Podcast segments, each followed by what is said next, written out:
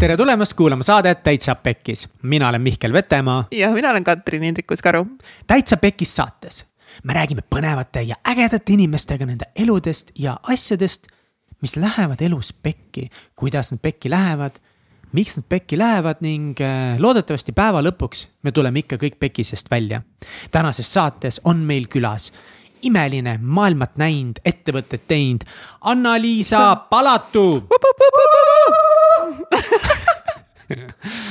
uh, jaa uh,, see tõmbas küll korralikult käima, Mihkel.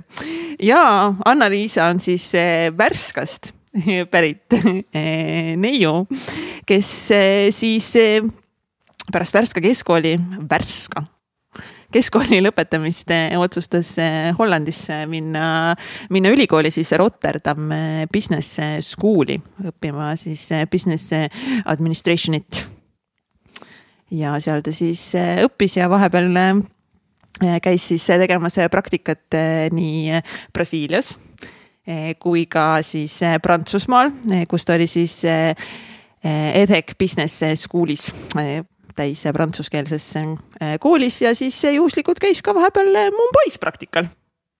Crazy. ja lõpetas siis jah Rotterdami Business School'i kaks tuhat seitseteist olgugi, et Anna-Liisa ütles, et tema ei usu, et äh, keegi sünnib talendiga või üldse millekski sünnitakse, siis natukese jääb ikkagi mulje, et see naine on sündinud ettevõtjaks, ta on äh, kuueteistaastast saadik ettevõtlust palju teinud, katsetanud, kokku ta on teinud üle kümne erineva ettevõtte, proovinud üle kolmekümne erineva idee.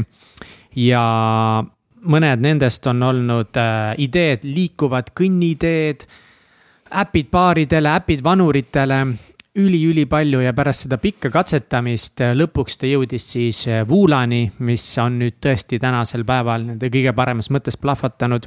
aga peale kõva ettevõtluskogemuse on ta teinud ka palgatööd ning töötanud äh, natukest aega ka Eestis PricewaterhouseCooperis siis konsultandina. tema see ettevõtlus karjäär ja kogemus on nii crazy, et see on tõesti, see oli üliüliseksikas, seksikas saade, aga, aga Vula.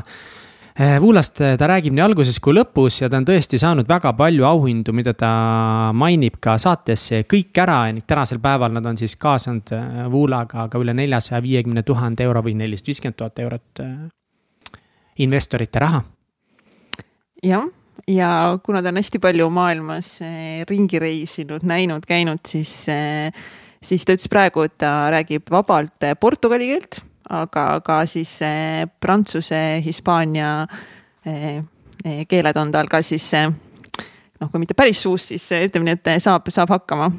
ja ta on ka väga suur spordisõber oh,. jooksmist väga armas, armastab ja on jalgpalli mänginud ja väga-väga sportlik naine aga enne seda, kui sa seda täiesti uskumatut ettevõtluslugu eh, hakkad kuulama, siis esiteks, mu kallis sõber, kui sulle meeldib see, mida me teeme ja kui see tundub sulle inspireeriv ja lahe ning sa tunned, et sa tahad meid toetada, siis parim viis selleks on patreon.com kaldkriips täitsa pekkis ning eh, tule ka sina meie toetajate perre.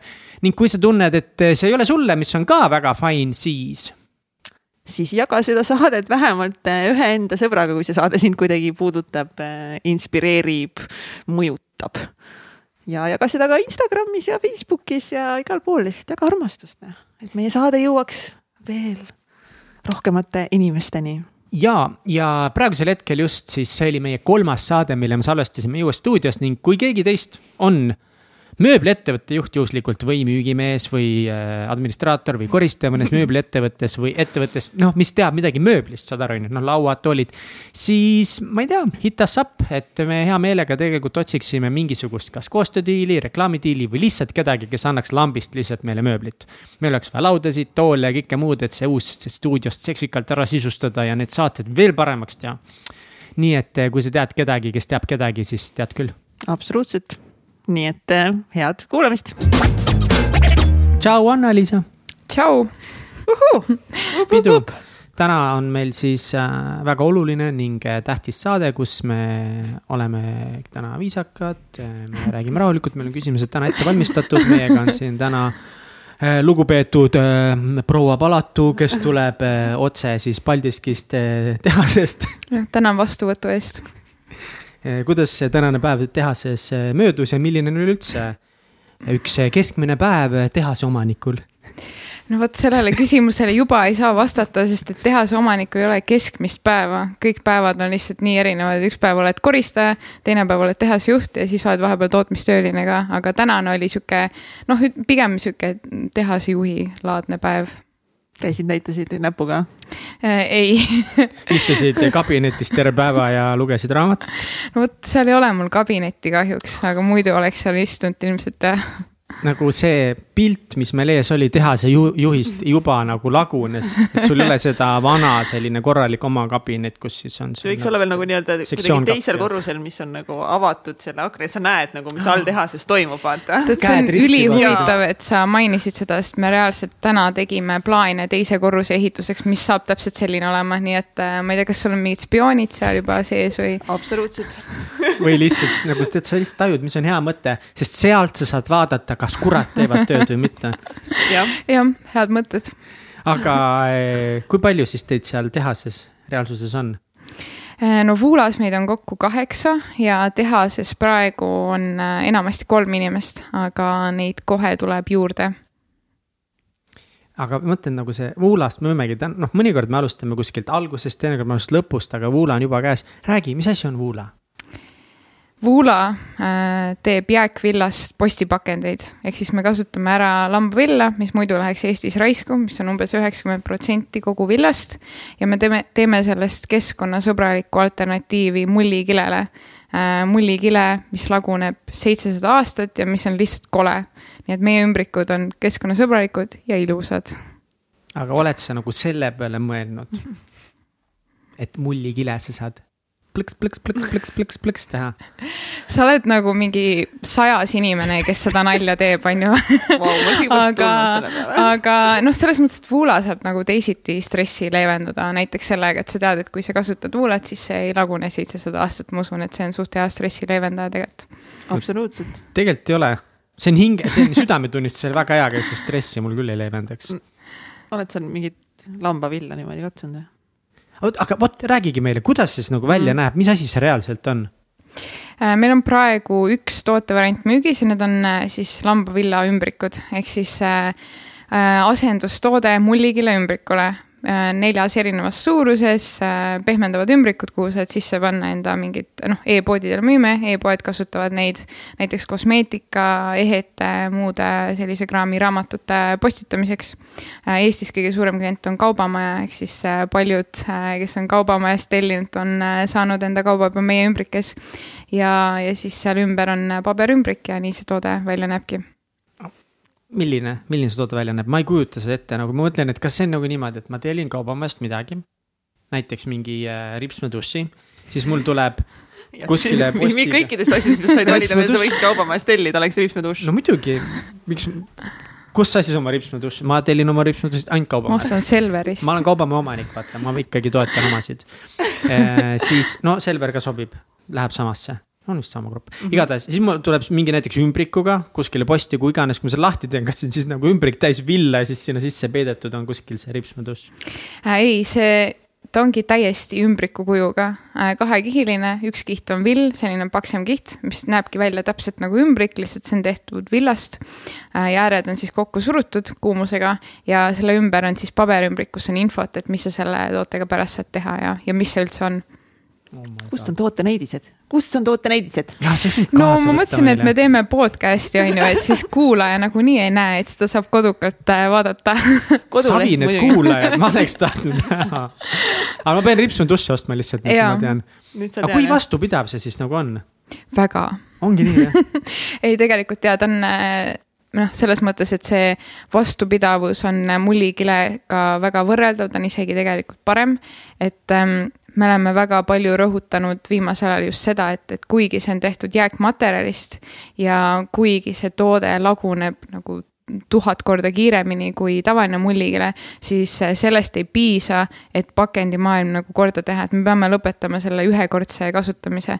et kui sa selle toote saad, siis sul on seda võimalik ise uuesti kasutada, saata enda pakendid teistele.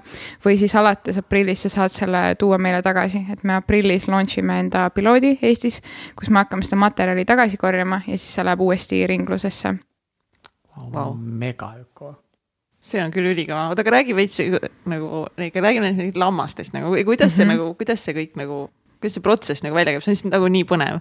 et kuidas, miks see lambavill üldse nagu, miks seda järgi üldse jääb mm? -hmm. kuidas see, kuidas see käib, kust ta saab nagu, kust see järgi jääb vot see probleem algab sellest, et kui sa mõtled mingist villast tehtud toodetele, mingitele pehmetele kampsunitele ja, ja siis sa kuuled et, et üheksakümmend protsenti villast visatakse ära ja siis sa mõtled, et miks siis seda villa ei kasutata kampsunite tegemiseks. aga probleem on selles, et need kampsunid on tehtud merino villast või siis mingist teisest väga kvaliteetsest äh, äh lambatõust äh,, kellelt saab sellist kvaliteetset villa. Aga need lambad, keda Euroopas kasvatatakse, need ei ole villalambad ja nende äh, villakiud on nii erinevad merinost, et sa ei saagi sellest midagi teha, et äh, need kiud on liiga karedad või nii-öelda madala kvaliteediga, et sellel ei olegi mitte mingit väljundit. ja siis äh, talunikud lihtsalt viskavad selle villa ära metsa alla, matavad maha või siis äh, need villa kokkuostjad, kes Eestis näiteks tegutsevad, nad maksavad nii naeruväärset hinda nendele lambakasvatajatele, et nad ei saa isegi nulli pügamiskuludega. aga noh, lambaid peab pügama. siin internetis liigub suht palju äh, pilte ka sellest, et mis juhtub lammastega, keda ei äh, pügata. ja see on tegelikult hästi suur terviserisk, et kui lammas on juba üks aasta pügamata, siis see villakasukas muutub nii raskeks, et ta ei saa normaalselt äh, liikuda ja see lõpeb surmaga äh, päris kiiresti tegelikult, kui juba mitu aastat on pügamata. ehk siis on, ongi nagu esimene probleem tuleb sellest, et villa peab pügama, aga sellega ei ole midagi teha ja ei ole sellist nagu toetavat süsteemi, mingit organisatsiooni, kes oleks eetiline ja kes maksaks selle villa eest nagu päriselt äh, sellist hinda, mille eest nagu talunikel on mõtet seda neile anda. ühest lambast seda villa saab siis? või see oleneb nagu väga äh, tõu äh, selles mõttes tõu-, tõugude lõikes, on ju, et äh, eri, erinevatelt lambatõugudelt saab erinevas koguses villa, et see varieerub nagu tohutult. aga, aga jah, Eestis jääb siis aastas üle umbes sada viiskümmend tonni villa. sada viiskümmend tonni? ja, ja Euroopas on siis see arv kakssada tuhat tonni. What?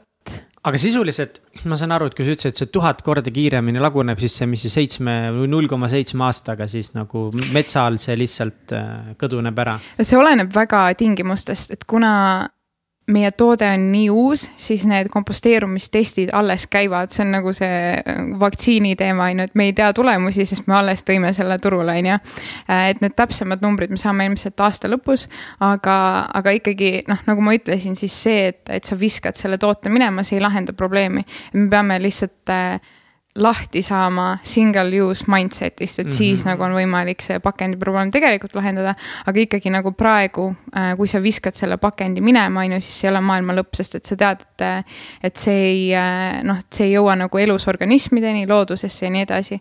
et, äh, et selles mõttes see konkreetne lagunemisinfo tuleb meil aasta lõpus mm.. okei okay,, aga kui on sada viiskümmend tonni jääb üle, palju nagu siis enam-vähem sellest siis saab, saaks, saate teie neid pakendeid teha?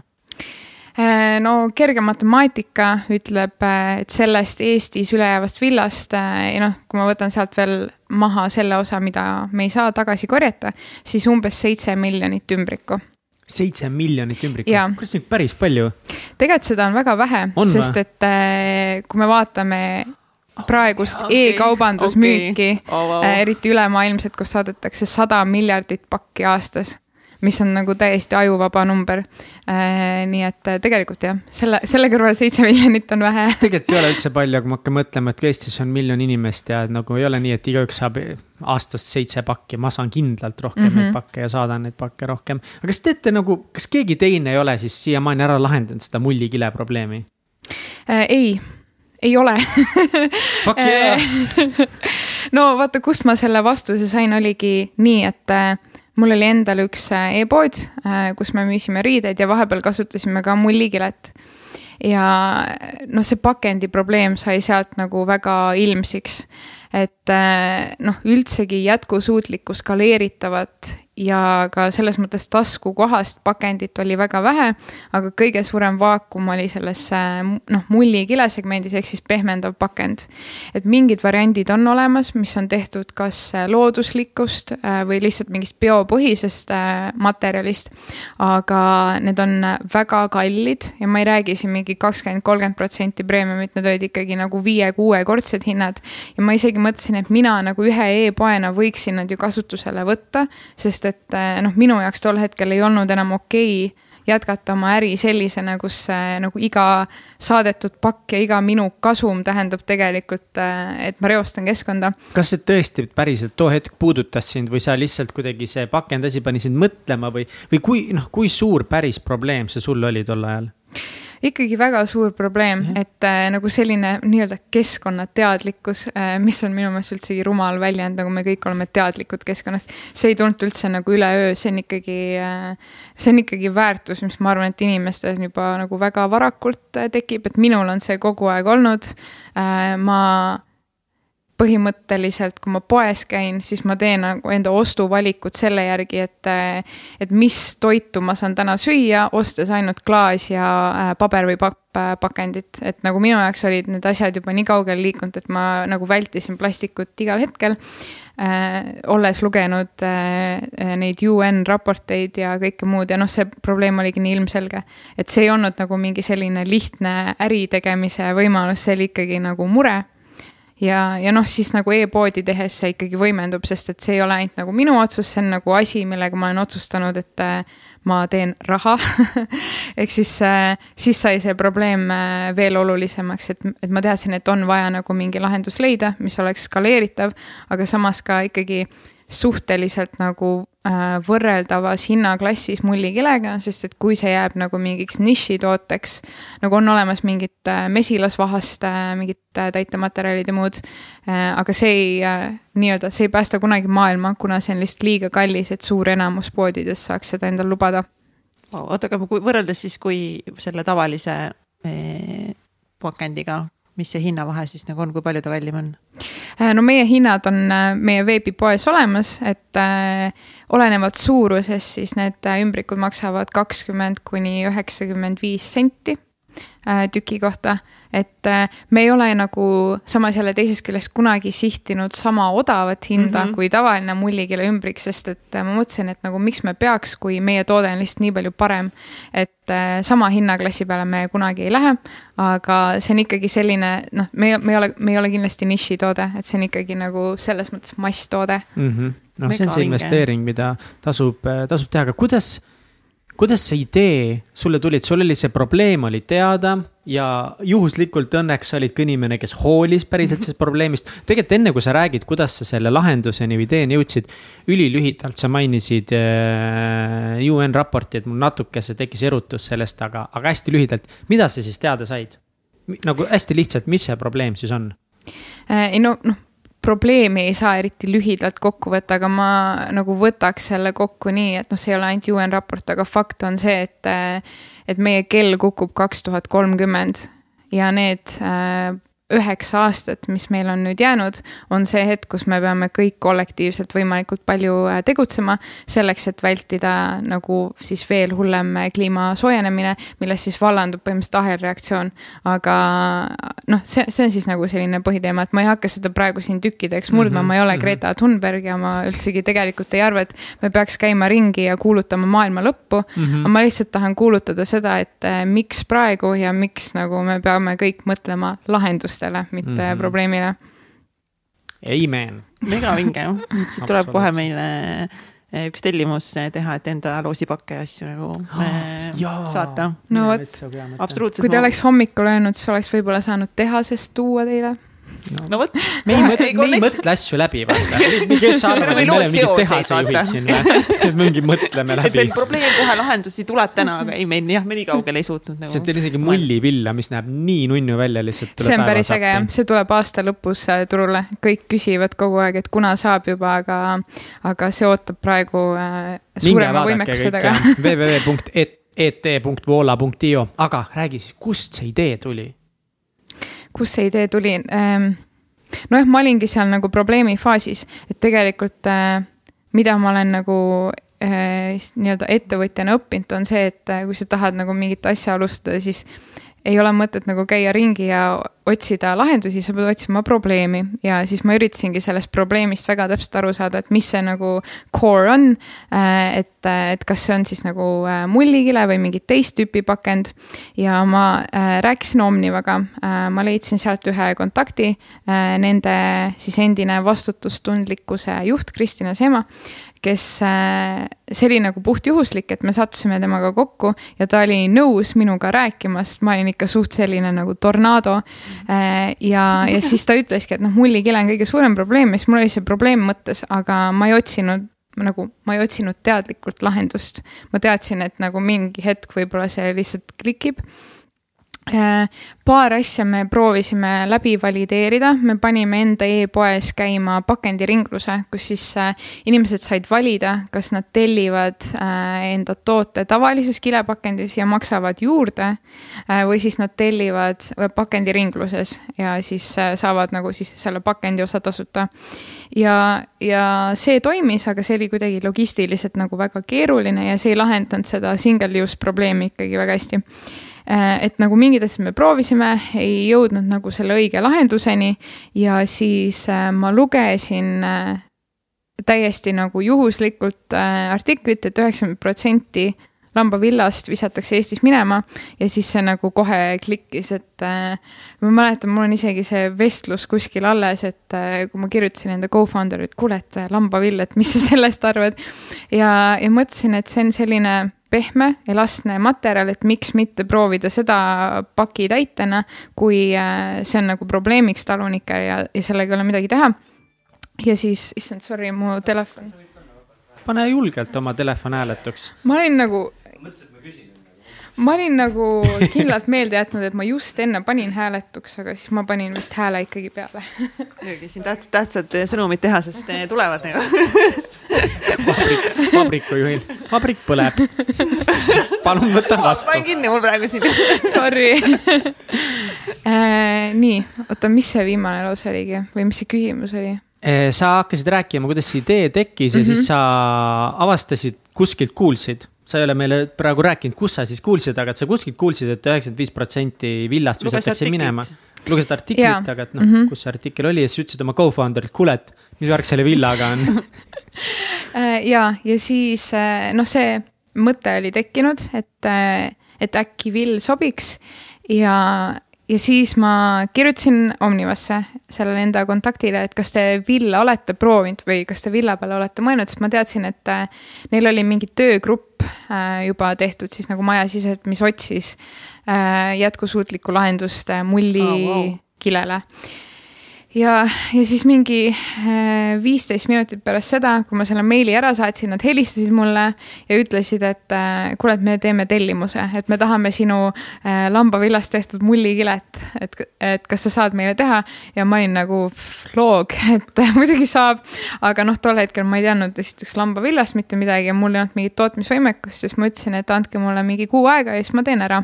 Sa, vot sina ju helistasid neile või saatsid neile emaili selle jaoks, et öelda neile, et kuulge, võtke lambavill kasutusele. ja ma küsisin, et kas te olete seda proovinud. tee firma ei hakka müüma seda meile või ei no tegelikult jah, oli ikkagi nii, et ma küsisin, kas te olete seda proovinud, et kas see on juba teie töögrupist läbi käinud, kui te olete uurinud.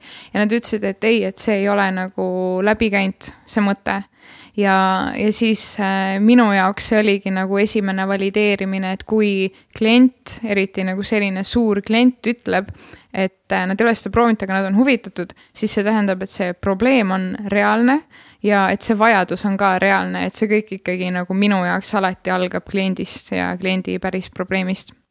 kus sa nagu võtsid üldse selle mõtte, et nagu sellest on võimalik teha, sest kõik need inimesed on vaadanud, noh lambavill, viskame ära, keegi on selle mõttega, et aga töötleks ja teeks ümbriku. Et nagu, kus sa, miks sa arvasid, et see on võimalik teha sellest üldse ümbrik või kas sa, kas sa teadsid midagi villa töötlemistehnoloogiatest ning eh, Ei. villa molekulaarkoostisosast ja kõigest muust? ma siiamaani molekulaarkoostisosadest ei eh, tea midagi, aga ma ei mäletagi, see kõik käis nii kiiresti, aga samas ma olin tol hetkel nagu mm, nii kaua sellises nagu äh, äriideede genereerimise nagu luupis olnud, et see võimalikkuse ja mittevõimalikkuse piir oli nagu täiesti kadunud. et see ei ole esimene asi, mille peale sa mõtled, kõik on lihtsalt idee ja siis äh, küsid, et kas klient tahab ja siis hakkad vaatama, et kas see on võimalik. et ma arvan, et tegelikult mul hullult vedas, et see idee, mis lihtsalt täiesti lambist tuli, et see päriselt ka oli võimalik äh, ära teha, et ma arvan, et see on siiamaani suht ime, et see nagu päriselt toimis wow aga võib-olla see ongi hea koht, eh, nagu sa mainisid, et sa olid selles ettevõtete tegemise faasis, et rääkida üldsegi, kes sa ise selline oled ja kust sa üldse tuled, lähme ajas nagu täiesti tagasi. Värska- sa oled eh, Värska tüdruk, jah, Värske, värska, Värska. Värska, Värska. ja niimoodi hääldatakse. Värska, sa teadsid või? ei värs-, mina olen Värska, Värs-. Värska, Värska, värska, selge, Vau, vau, juba, juba elu muude podcast. siis te kõlate nagu kohalikud. Oh,. Värska, milline sinu elu Värskas oli? ähm,. ma arvan, et suht rahulik äh,, noh, see on nagu väga väike koht äh,. ja siis kooli ajal ei olnudki nagu selles mõttes eriti palju valikuid, et mida ma oma vaba ajaga teen, kas ma lähen mingi kreeka keele ringi või judo treeningusse, sest selliseid asju ei ole nagu maal, on ju. ja, ja kuidagi, samas mul oli nagu huvi huvi oli ikkagi olemas mingite asjadega tegeleda ja, ja siis ma sattusin äh, vist väga juhuslikult ettevõtluse juurde.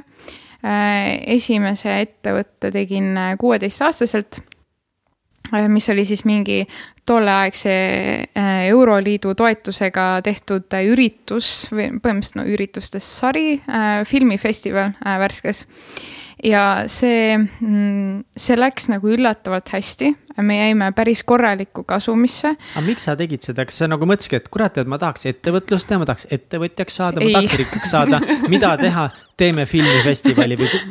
Ei üldse mitte, see oli minu meelest üks äh, programm tollel ajal vist Entrum programm oli selle nimi, mis oli mõeldud nagu noorte äh,, noorte ettevõtluse propageerimisele.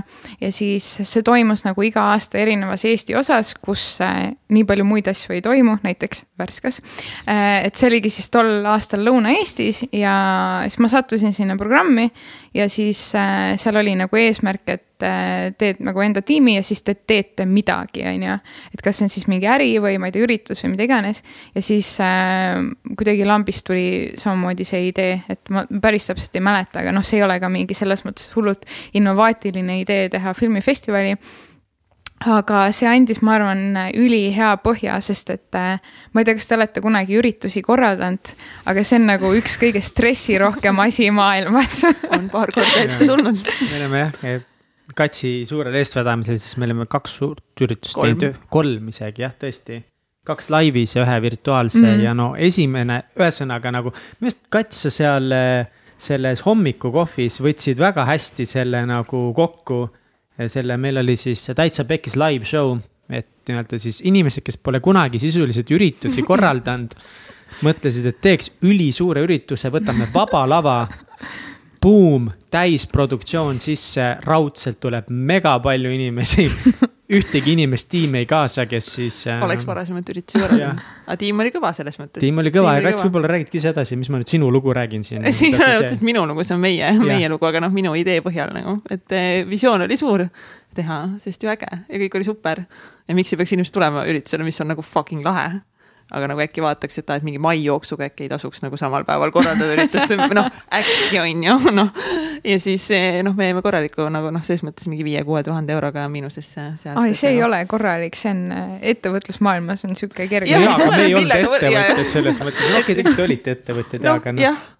Aga Aga noh, meie ikkagi- jaoks oli see ikka nagu väga suur summa, aga nagu kui võrrelda mingi Ro- Roland Tokoga, kes esimese ürituse käi mingi kakskümmend või kakskümmend viis tuhat eurot miinuses, et siis noh, lahutame ennast sellega Mhm. nagu aga no minu meelest see viiskümmend, viis tonni kõlas nagu viiskümmend tuhat ja sama hästi täpselt. viiskümmend tuhat Ei, on, issand jumal, kui palju. et oligi see, kui lootused olid nii suured, vaata, et nagu noh, siin ei saa otseselt midagi nagu valesti tulla mm, -hmm. Mhm. sest nagu me oleme kõige fucking kõige lahedamad, aga Mhm. üritus oligi megavinge, aga lihtsalt nagu miinus. jah, ja vana aja vaba lava nagu andis maksegraafikut ja.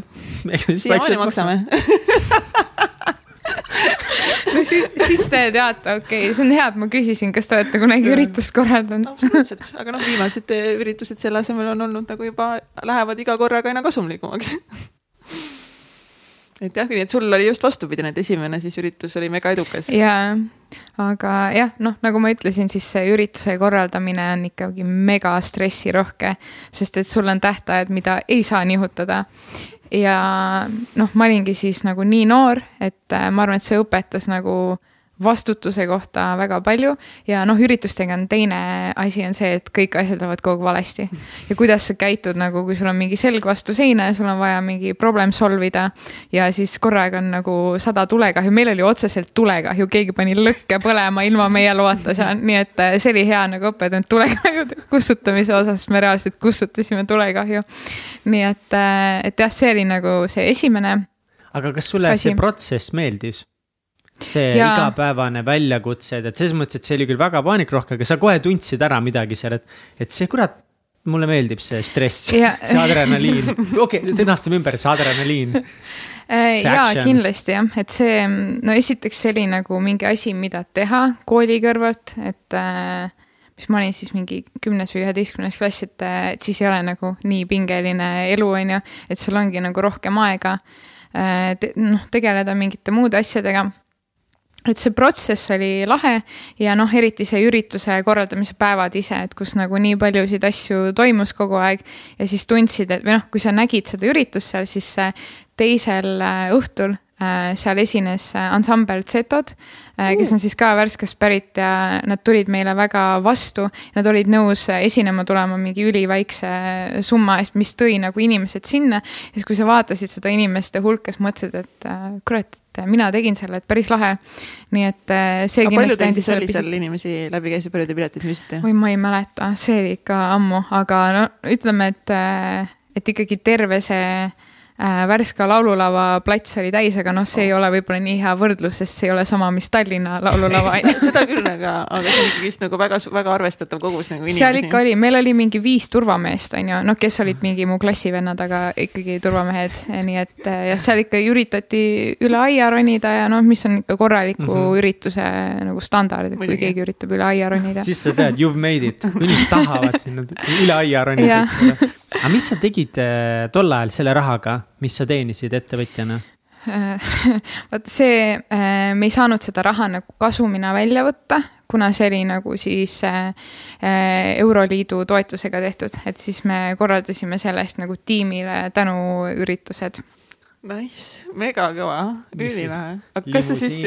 see kokaiini, värskas mõni ööklubi. kuueteistaastaseks. mul ei olnud lubegi siis, nii et. ei no jaa, limusiiniga, ta on limusiini juht võib-olla jah, seal vist ei ole limusiini nähtud varem aga kas siis sul jäigi sellest kogemust kuidagi mulje, et nagu, et okei okay,, et ettevõtlus on tegelikult nagu päris nagu lihtne? et nagu teed ja nagu kõik läheb hästi. lihtne ja... see kindlasti ei olnud ja mul ei jäänudki sellist muljet, sest ma, ma nägin nagu, kui raske see oli ja kui palju tööd äh, mina ja teised siis tiimikaaslased äh, tegime. aga aga mingi selline pisik sealt nagu kindlasti jäi, et, et tundus, et see on nagu õige asi, et noh, see on nagu selline klassikaline ettevõtlus, et ma ei asutanud nagu mingit firmat, meil on oma kontor, see oli üritus, mis on ikkagi natuke teistsugune. aga no ikkagi, aga mis siis edasi sai pärast seda ähm,?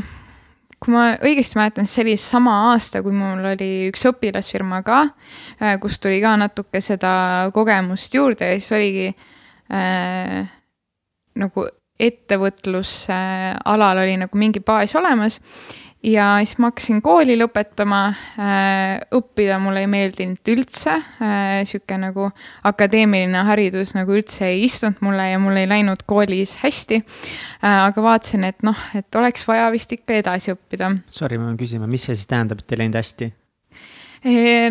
Noh, seda tähendabki, hinded ei olnud äh, no, head. kahed, kolmed. oli ikka jah, selliseid äh, asju ka. ma aga... kiidan, mul ka. tänan jaa, kahel, mulle meeldib kahelised, noh, see on väga hea. eks ma ikka venitasin kolmed välja tavaliselt, et äh, päris kaheline ei olnud aga seal oli igasuguseid äh, intsidente, ütleme nii sa pead nüüd rääkima. Äh, jätame selle sinnapaika. aga ühesõnaga ma ikkagi vaatasin, et äh, tahaks edasi õppida. ja äh, hakkasin siis nagu nii-öelda valima, et mida ma edasi õppima lähen ma teadsin, ma tahan minna välismaale ülikooli ja võtsin selle mingi kataloogi lahti, kus olid siis erinevad kursused. ma arvan, et ma vaatasin seda kokku mingi kaks minutit, äh, sest et ma nägin sellist äh, programmi nagu rahvusvaheline äri ja keeled ja siis ma teadsin, et okei okay,, ma lähen sinna, et ma ei viitsi enam edasi otsida, sest et see tundus nagu nii õige valik. Äh, ja siis seda sai õppida Hollandis ja siis ma läksin Hollandisse, et nagu see oli suht selline lihtne otsus. kas Holland oli lahe, kuidas sa nagu rahul jäid oma Hollandi ja õppimiskogemusega seal? no ma arvan, et need on nagu erinevad asjad äh,, Hollandi kogemus ja õppimiskogemus aga äh, ei, väga meeldis äh,. mulle meeldis see, kuidas see programm oli nagu üles ehitatud, ma arvan, et ükski bakaprogramm ei ole täiuslik äh,, see ka ei olnud, aga samas mulle meeldis see, et see oli hästi praktiline. Et meil olidki äh, tunnid olid sellistes nagu kahekümne, kahekümnest inimesest koosnevates klassides, meil ei olnud auditooriumi ja meid visati nagu hästi julmalt äh, lihtsalt nagu vette. Me pidime tegema, me pidime reaalselt asutama ettevõtted äh,, siis neid juhtima, me pidime tegema praktikaid, me pidime tegema osa enda õpingutest äh, võõrkeeles, mida me ei osanud äh, mingis teises riigis. et mulle meeldis see pool, et äh, et noh, minu puhul võib-olla seda ei olnud nii väga vaja, sest ma nagunii tahtsin nagu reisida ja kogeda teisi kultuure, elada teistes kohtades, aga samas äh, ma arvan, et see võib-olla nagu push'is neid inimesi, kes muidu ei oleks seda teinud ja oleks nagu jäänud enda äh, mugavustsooni. et sa tegid Hollandis endale ka ettevõtte? On sul Hollandis ka äh, jah, meil, mul oli Hollandis kaks ettevõtet, äh, seal oli see huvitav, et. kõlab nii cool'ilt selleks, et Hollandis ettevõtte teha, siis sa äh, paned enda pintsaku selga ja siis sa lähed sinna kaubanduskotta. kirjutad paberitele päriselus alla ja siis mingi kaks nädalat hiljem sul on ettevõte, nii et, et selles mõttes see oli nagu veits absurdne protsess minu jaoks, teades, kuidas Eestis mm -hmm. asjad käivad. aga ja me koolis asutasime, kooli ajal siis asutasime ühe Äh, importettevõte, äh, hakkasime powerbank'e müüma, aga see oli mingi powerbank'e, akupangad ah,.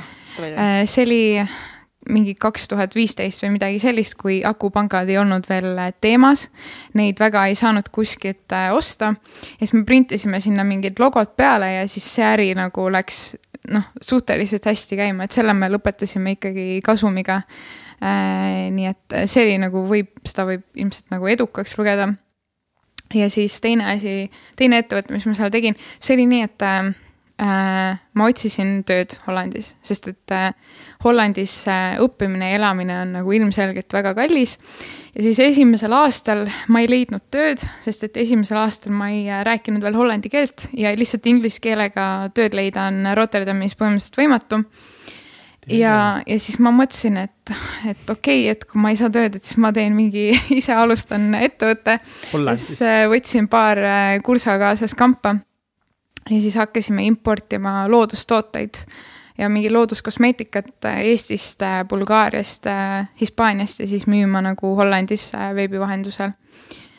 nii et jah, siis need olid need ettevõtted, mida ma Hollandis tegin, aga siis teisel aastal ma leidsin töö, mul oli vahepeal jah, mul oli korraga kolm töökohta seal, et siis mul ei olnud nagu enam äh, väga aega äh, enda business'it ajada. mis tööd nagu... sa siis tegid seal?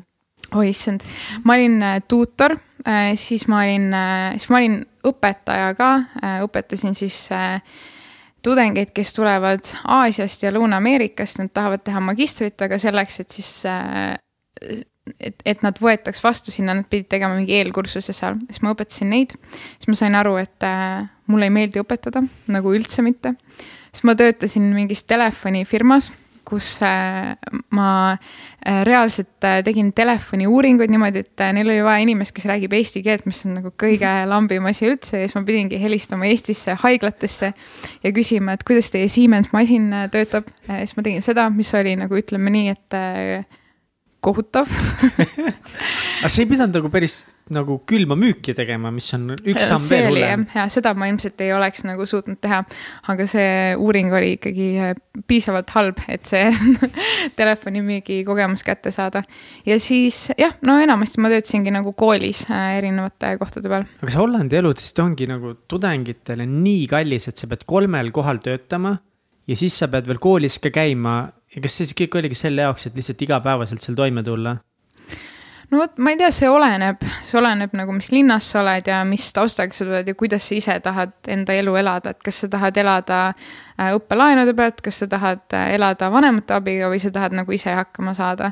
et, et jah, ma arvan, et, et seal, seal ikka peab tööd tegema selleks, et, et ära elada, et Hollandi kodanikel on päris tore süsteem, et kodanikud saavad riigi poolt toetust äh, lihtsalt sellepärast, et nad käivad koolis, aga seda siis nagu välismaalastel ei olnud. mm,. Make sense. kaua sa olid kokku Hollandis? see programm oli nii, et ma olin äh, kaks aastat seal äh, kohapeal ja siis tegin äh, äh, ühe semestri praktikat, läksin tagasi ja siis tegin äh, ühe semestri äh, siis vahetus, vahetusõpilasena ka. Mm. kas oli mingeid väljakutseid ka seal äh, Hollandis äh, elades või oli kogu aeg selline noh, sihuke chill? chill, kolmel töökohal töötades, chill. chill noh, selles mõttes. lebo kolmel töökohal ja kool päris raske oli, minu meelest see Hollandi nagu koolisüsteem e-, erineb Eesti omast väga palju, kuna seal on nii, et, et nagu kooli sisse saada on väga lihtne, kuna Hollandis on õppemaks. ehk siis nad ilmselgelt tahavad võtta pigem rohkem inimesi kursusesse sisse kui vähem. Aga siis, kui sa sisse ära saad, no siis läheb lahti, noh et äh, seal nagu koolis püsida on tegelikult päris raske Äh, sest et see koormus on väga suur ja seal ongi nagu eksaminädalad, kus sul on ühes äh, nädalas mingi kümme eksamit koos. ja siis ma mäletan, et, et noh, minul nüüd, minul oli ainus variant, et ma teen selle kogu asja nelja aastaga ära, sest et iga aasta tähendab nagu veel ühte aastat Hollandis ja siis samas oli ka nii, et kui sa eksamitest läbi kukud, siis äh, sa pead need järgi tegema suvel, kui ma tahtsin Eestis olla. Ja siis ma, mul oligi nagu vaja kõikidest eksamitest läbi saada.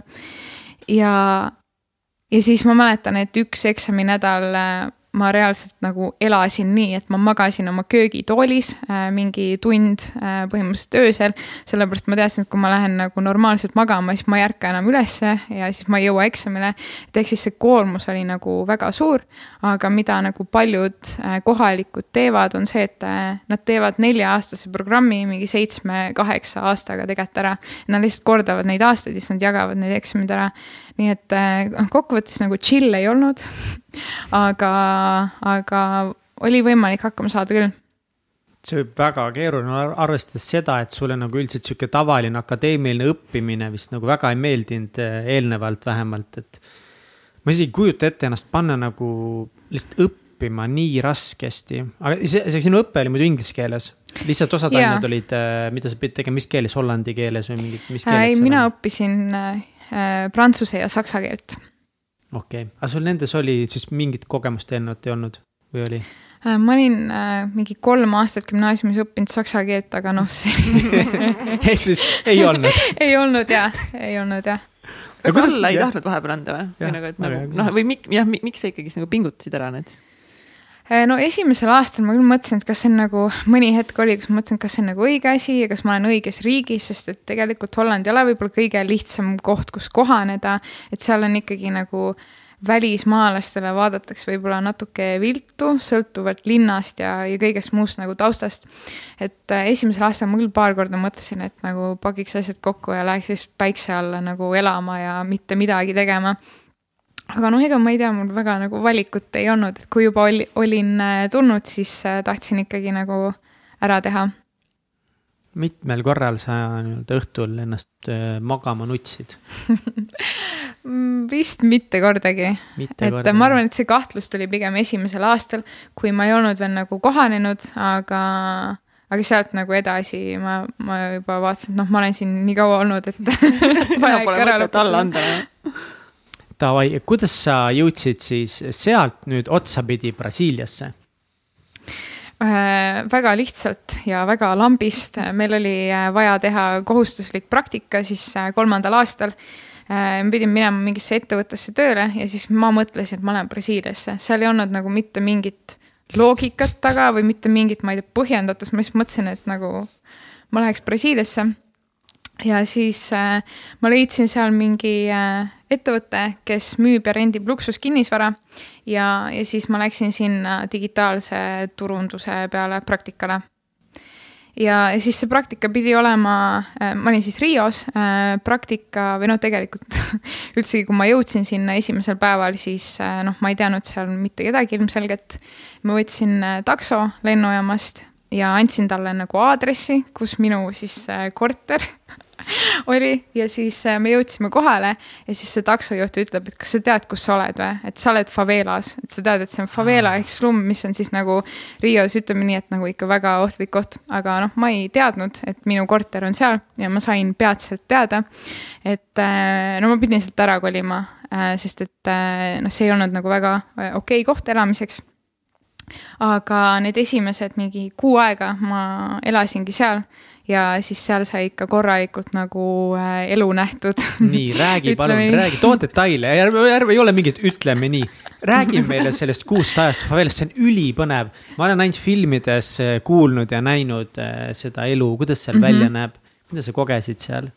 tead, ma ei taha nagu mingeid ähm, selliseid koledaid seiku rääkida, sellepärast et ma ei taha, et inimestel tekiksid nagu mingid eelarvamused Brasiilia kohta, sest neid, neid eelarvamusi on nagunii nii palju.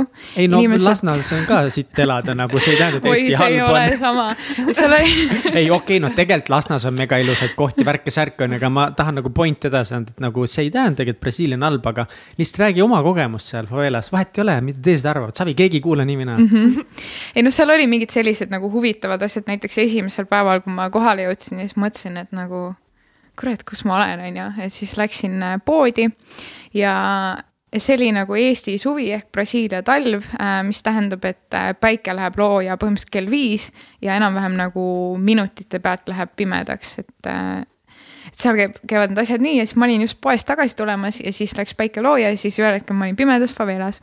Ja ma ei leidnud enda korterit üles see, sest et kõik need majad nägid suht äh, samasugused välja ja siis ma lihtsalt mingi ekslesin seal, mul ei olnud nagu telefoni, mitte midagi, sest et nagu Eesti äh, number ei, ei töötanud seal.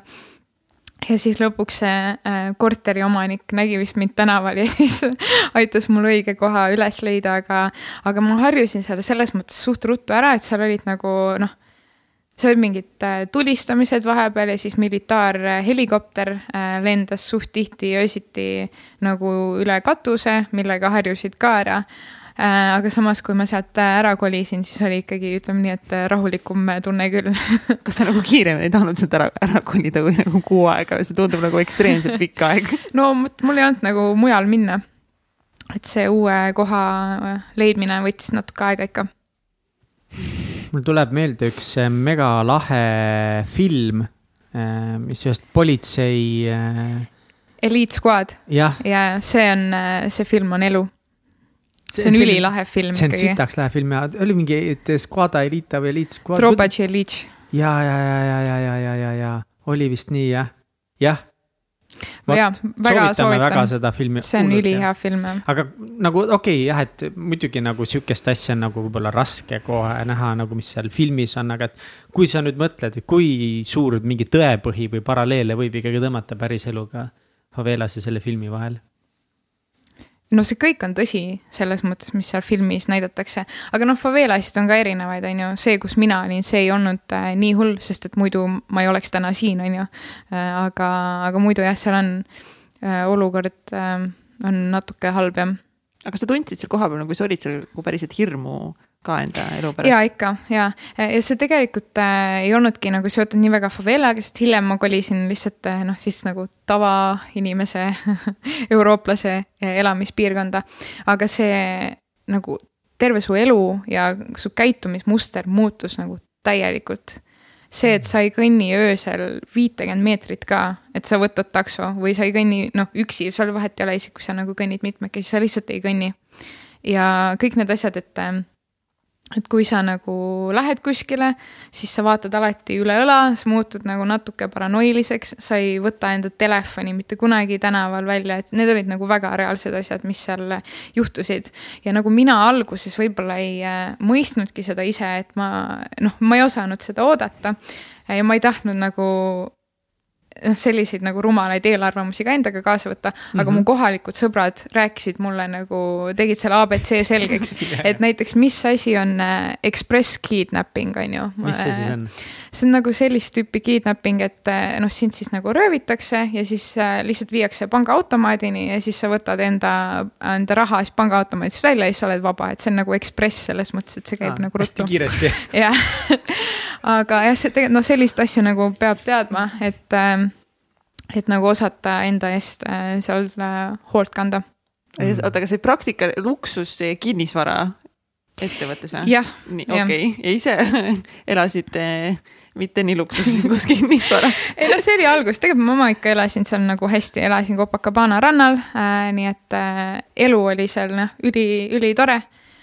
aga jah, seal äh,, selle praktikaga oli nii, et Äh, see pidi olema siis inglise keeles ja siis, kui ma koha peal läksin, siis ma sain aru, et mitte keegi ei räägi seal inglise keelt, nii et, äh, et siis jah, ma pidin nagu portugali keele ära õppima, et äh, läksin portugali keele kooli ja kuna seal on nagu noh, seda keele kasutamist on nii palju, siis ta oli võimalik nagu hästi kiiresti ära õppida, mis oli nagu ülitore aga kuidas siis alguses oma praktikal hakkama said, kui nad kõik olid kõlab nagu nii lihtsalt ai, siis ma õppisin ära portugali keele. no see praktika oli ka selline, et äh, ma läksin sinna esimesel päeval ja siis boss ütleb, et miks sa läpakat kaasa ei võtnud. ja siis ma ütlesin, no ma ei tea, ma eeldasin, et nagu sina annad selle mulle aga see boss oli ise jah, prantslane, nii et tema nagu rääkis mingit inglise mm. keelt, aga ütleme nii, et no ikka keskmisest tugevama aktsendiga. Et siis äh, saigi selgeks, et, et ainus viis äh, siin nagu Äh, noh, töötada ja veel lihtsalt ka nagu elada toredat elu, on õppida keel ära. no mis sa tegid siis, mis, milles sinu tööülesanded seisnesid? Turundust tegin, SEO-d, SEM-i ja siis igasuguseid ad hoc ülesandeid ja hästi palju oli ka sellist nagu mm, fieldwork'i, et käisime korterites, äh, tegime seal mingit tööd, chill isime niisama, et need äh, korterid olid väga, väga toredad, kindlasti andsid sellele kogemusele juurde väga toredad on ilmselt nagu tugev alamüük praegu. jah, seda küll korterid kuskil Brasiilias, mis selle ranna või piirkonna nimi oli, mis sa nüüd ütlesid? Copacabana. jah, ma olen palju kuulnud, sest seal on ilmselt väga uhkeid kortereid, jah. ja on, on küll kas see sisendas sinus seda ettevõtja soovi ka, et kurat, tuleb ettevõtjaks hakata, et saab kunagi endale sihukese korteri osta? kusjuures üldse mitte, sest et ma nägin äh, no kuna see on luksuskinnisvara ja need on tõesti nagu äh, nii-öelda superrikkad, kes äh, meie klientuuri tol hetkel kuulusid, siis ma nägin äh, neid inimesi, kes käisid meie kontorites kontoris ja kes kohtlesid äh, meid nagu mingit jalamatti. ja siis ma mõtlesin, et okei okay,, et ma ei taha kunagi rikkaks saada nii et see selles mõttes andis nagu vastupidise kogemuse. kas sa arvad, et rikkaks saamine on see põhjus, miks nad sellised on? ei, muidugi mitte, see on nagu üldistus äh, minu poolt, aga, aga see kuidagi käitumismaneer, et, et äh, mida selline nagu staatus võib inimesega teha, kui äh, kui sa ei ole nagu mindful selles osas, see oli päris hea nagu selline äh, reaalsuse kontroll. Oh.. oota, ja kaua sa olid seal? Äh,? pool aastat. mis oli kõige lahedam kogemus äh, seal selle poole aasta jooksul, mis sulle kõige eredamalt meelde jäi? no ma arvan, et karneval ikka. Oh Neid lahedaid kogemusi oli väga palju, tegelikult võib-olla, võib-olla isegi jõulud olid kõige lahedamad, sest ma olin seal enda äh, sõbranna juures, kes on siis kohalik ja me veetsime tema perega jõulud, äh, mis oli nagu nii teistsugune, kui sa oled mingi neljakümne äh, kraadises äh, kuumuses ja need traditsioonid kõik olid hästi teistsugused. ja lisaks ah,, tegelikult okei okay,, mul on mingi neli asja vist juba, mis olid kõige lahedamad. aga, aga ma mingi viimase kuu sellest ajast reisisin mööda Brasiiliat ja siis ma veetsin mingi kaks nädalat Amazonase džunglis täiesti nagu äh, ilma igasuguse kokkupuuteta tsivilisatsiooniga, et selles nagu külas ei olnud isegi telefonimaste. ehk siis nagu mitte mingit kokkupuudet ei olnud ja me lihtsalt, see oli nagu põhimõtteliselt mingi laager ja me lihtsalt olime looduses, käisime jõe peal, siis äh, käisime kalu püüdmas ma ei tea, mida kõike tegemas, magasime seal džunglis, see oli hästi lahe ja no Brasiilia loodus on lihtsalt nii ilus, et et seda oli väga lahe näha. kas te kohtusite mingite hõimudega ka seal või? no tegelikult need hõimud ähm, on, on hästi nagu tänapäevased juba, et me käisime seal mingeid hõime vaatamas, aga see ei, see ei olnud üldse selline pilt, mis võib praegu pähe tekkida, et mingi trummiring ja lõkk, et see ei olnud nii. et äh, need olid lihtsalt nagu tavalised inimesed, kes elavad, jah, külad mm. -hmm Vau, see tundub megalahe seiklus kuskil seal Amazonas mm.. ja väga soovitan kõigile. hullult minna. ja tundub... karneval on mm,. see on pöörane asi lihtsalt. see ongi kas, aga see on nagu, siin on nii palju inimesi, kas, kuidas see, kuidas nagu üldse karnevali kogemus on, kuidas käib karneval nii-öelda tavainimese jaoks, kes siis näiteks ei tantsi seal tänaval? Äh, no karnevali ajal ongi nii, et sul on nagu tänavapeod ehk plokud ja siis sul on äh, see sambadroomil toimuv möll, mis ei ole nagu see autentne karneval, et, äh, et see sambadroom ja karneval, need on nagu täiesti erinevad asjad, et enamus so. pidudest ongi tänavatel ehk siis plokkudel. ja see kestab äh, no mingi neli-viis päeva, on ju ja siis hommikust äh, alates äh, tuled üles, saad sõpradega kokku ja siis valid mingi tänavapeo ehk ploki, kuhu sa lähed sellel päeval. ja siis seal on mingi erineva teemaga esineja, on ju, äh, noh, esinejad, kes kuskilt autokastidest teevad muusikat.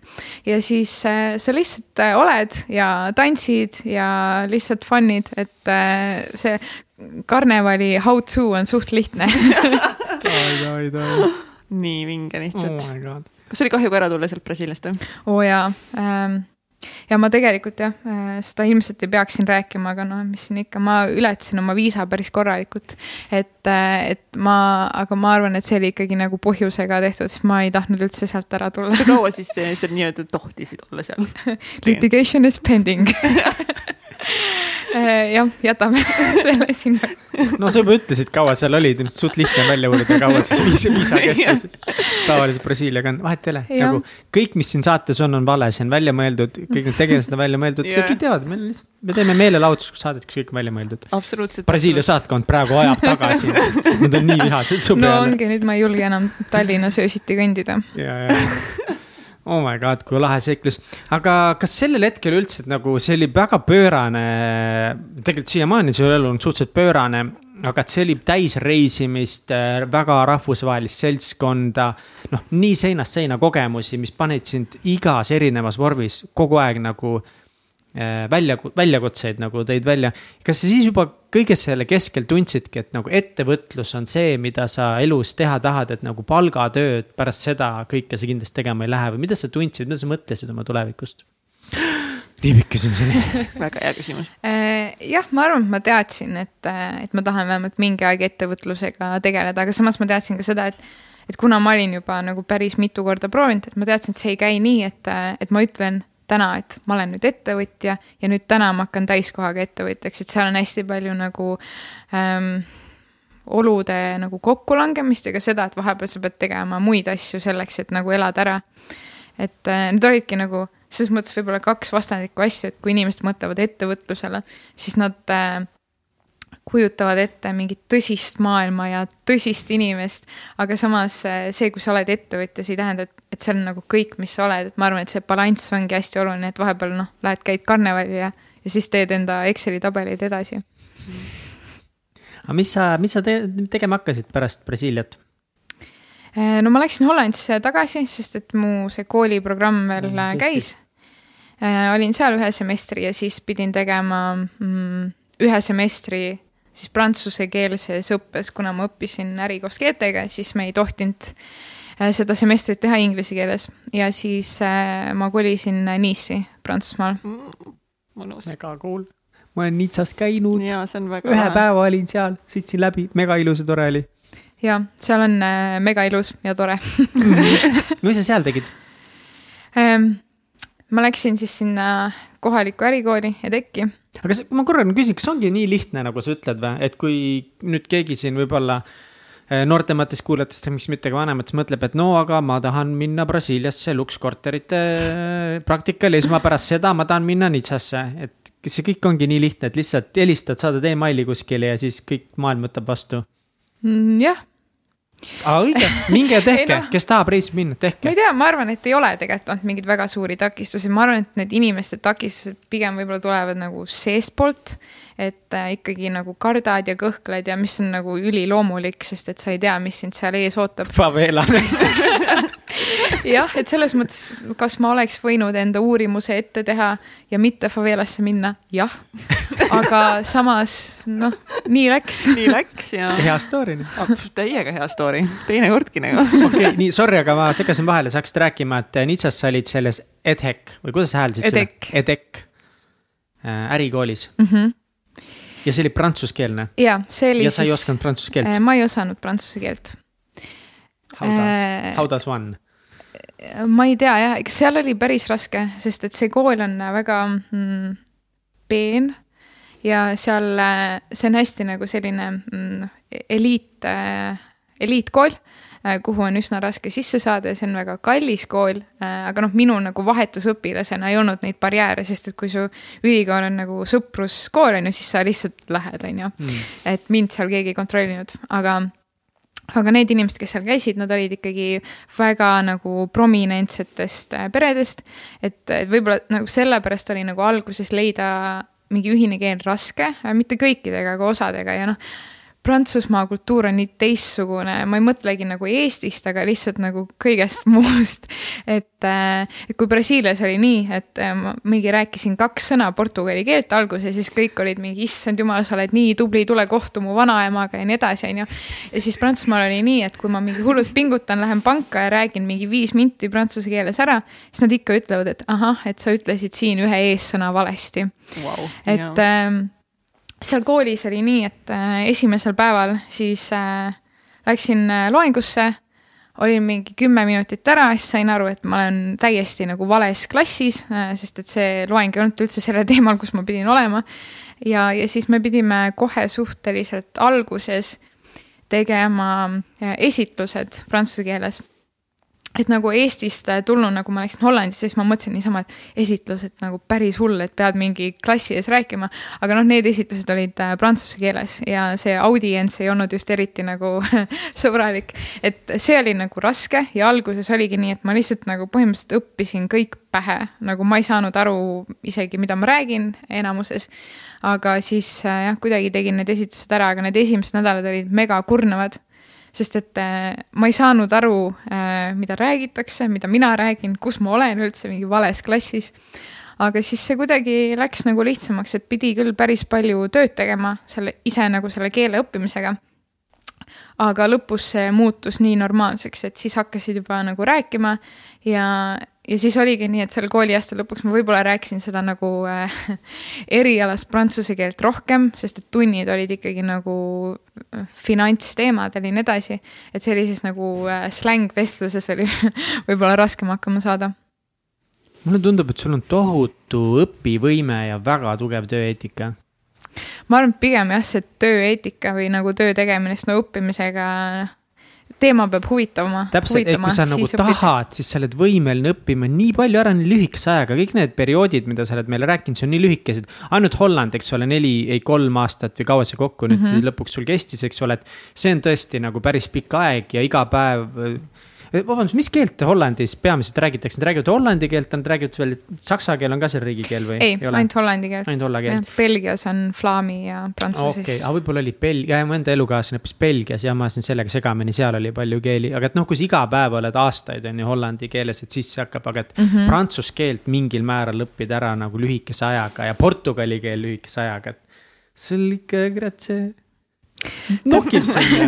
ma arvan, et asi oli selles lihtsalt, et mul ei olnud valikut. ma teadsin, et Mm. nagu semestri lõpus on eksamid ja ma ei saa jääda kordama nagu mitte mingil juhul. ja noh, siis pead ära miks, tegema. mis su see motivatsioon on kõik need asjad nagu nii tublisti ära teha, et täna nagu sul on võib-olla jõua, kindlasti jõuame selleni, et nagu ka ettevõtted on pekki läinud, midagi ei juhtu, kui need asjad pekki lähevad.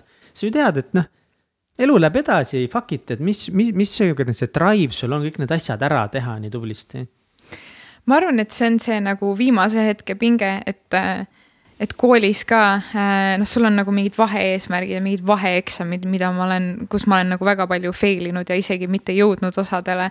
et sa nagu mingites kohtades pead endale andma nagu ruumi võtta vabalt et siis nagu lõpus jääks nagu rohkem energiat, et teha see oluline asi ära, et see on nagu strateegiline mõtlemine. et mida ma teen ja mida ma ei tee. äkki see.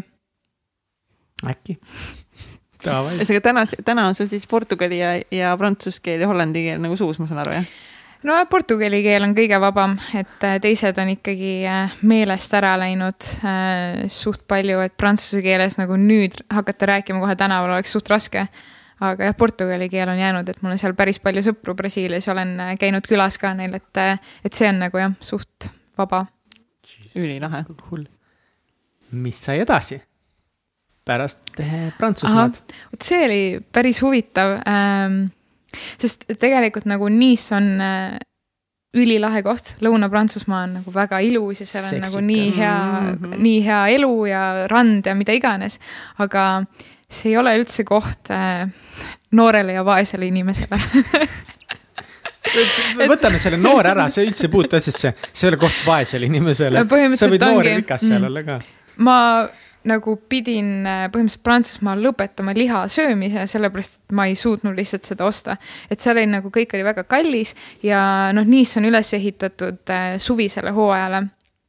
ja mina läksin sinna siis äh, sügisel, sügisest kuni nagu jõulud, pärast jõule. ja, ja siis seal on nagu natuke vaiksem ja seal ongi nii, et, et elu nagu äh, taotluslikult suretatakse välja, et mingid baarid ja asjad töötavadki ainult suvel. ja, ja siis äh, seal on hästi palju äh, vanemat generatsiooni ja pensionäre, kes veedavad enda pensioni seal.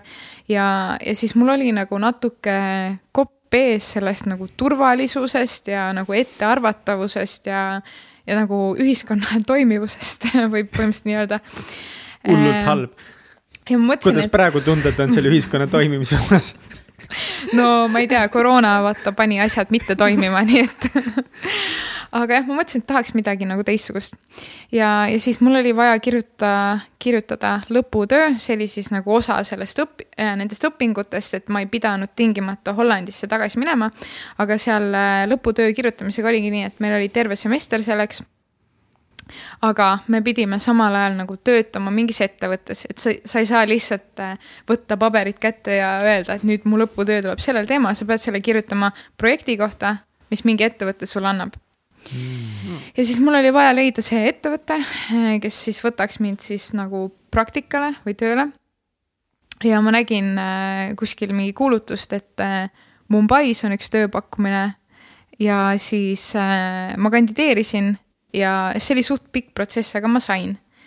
ja ma nagu ei pidanud selles mõttes väga nagu mõtlema, et miks ja ma ei otsinud nagu Indiat, mul ei tulnud mõttessegi see, et minna Indiasse. aga samas mul ei olnud nagu väga kuskile minna, sest et äh, Prantsusmaal korterileping sai läbi. Eestis mul ei olnud ka nagu enda kohta, Hollandis ka mitte siis mõtlesin, et no ma ei tea, ma lähen sinna siis.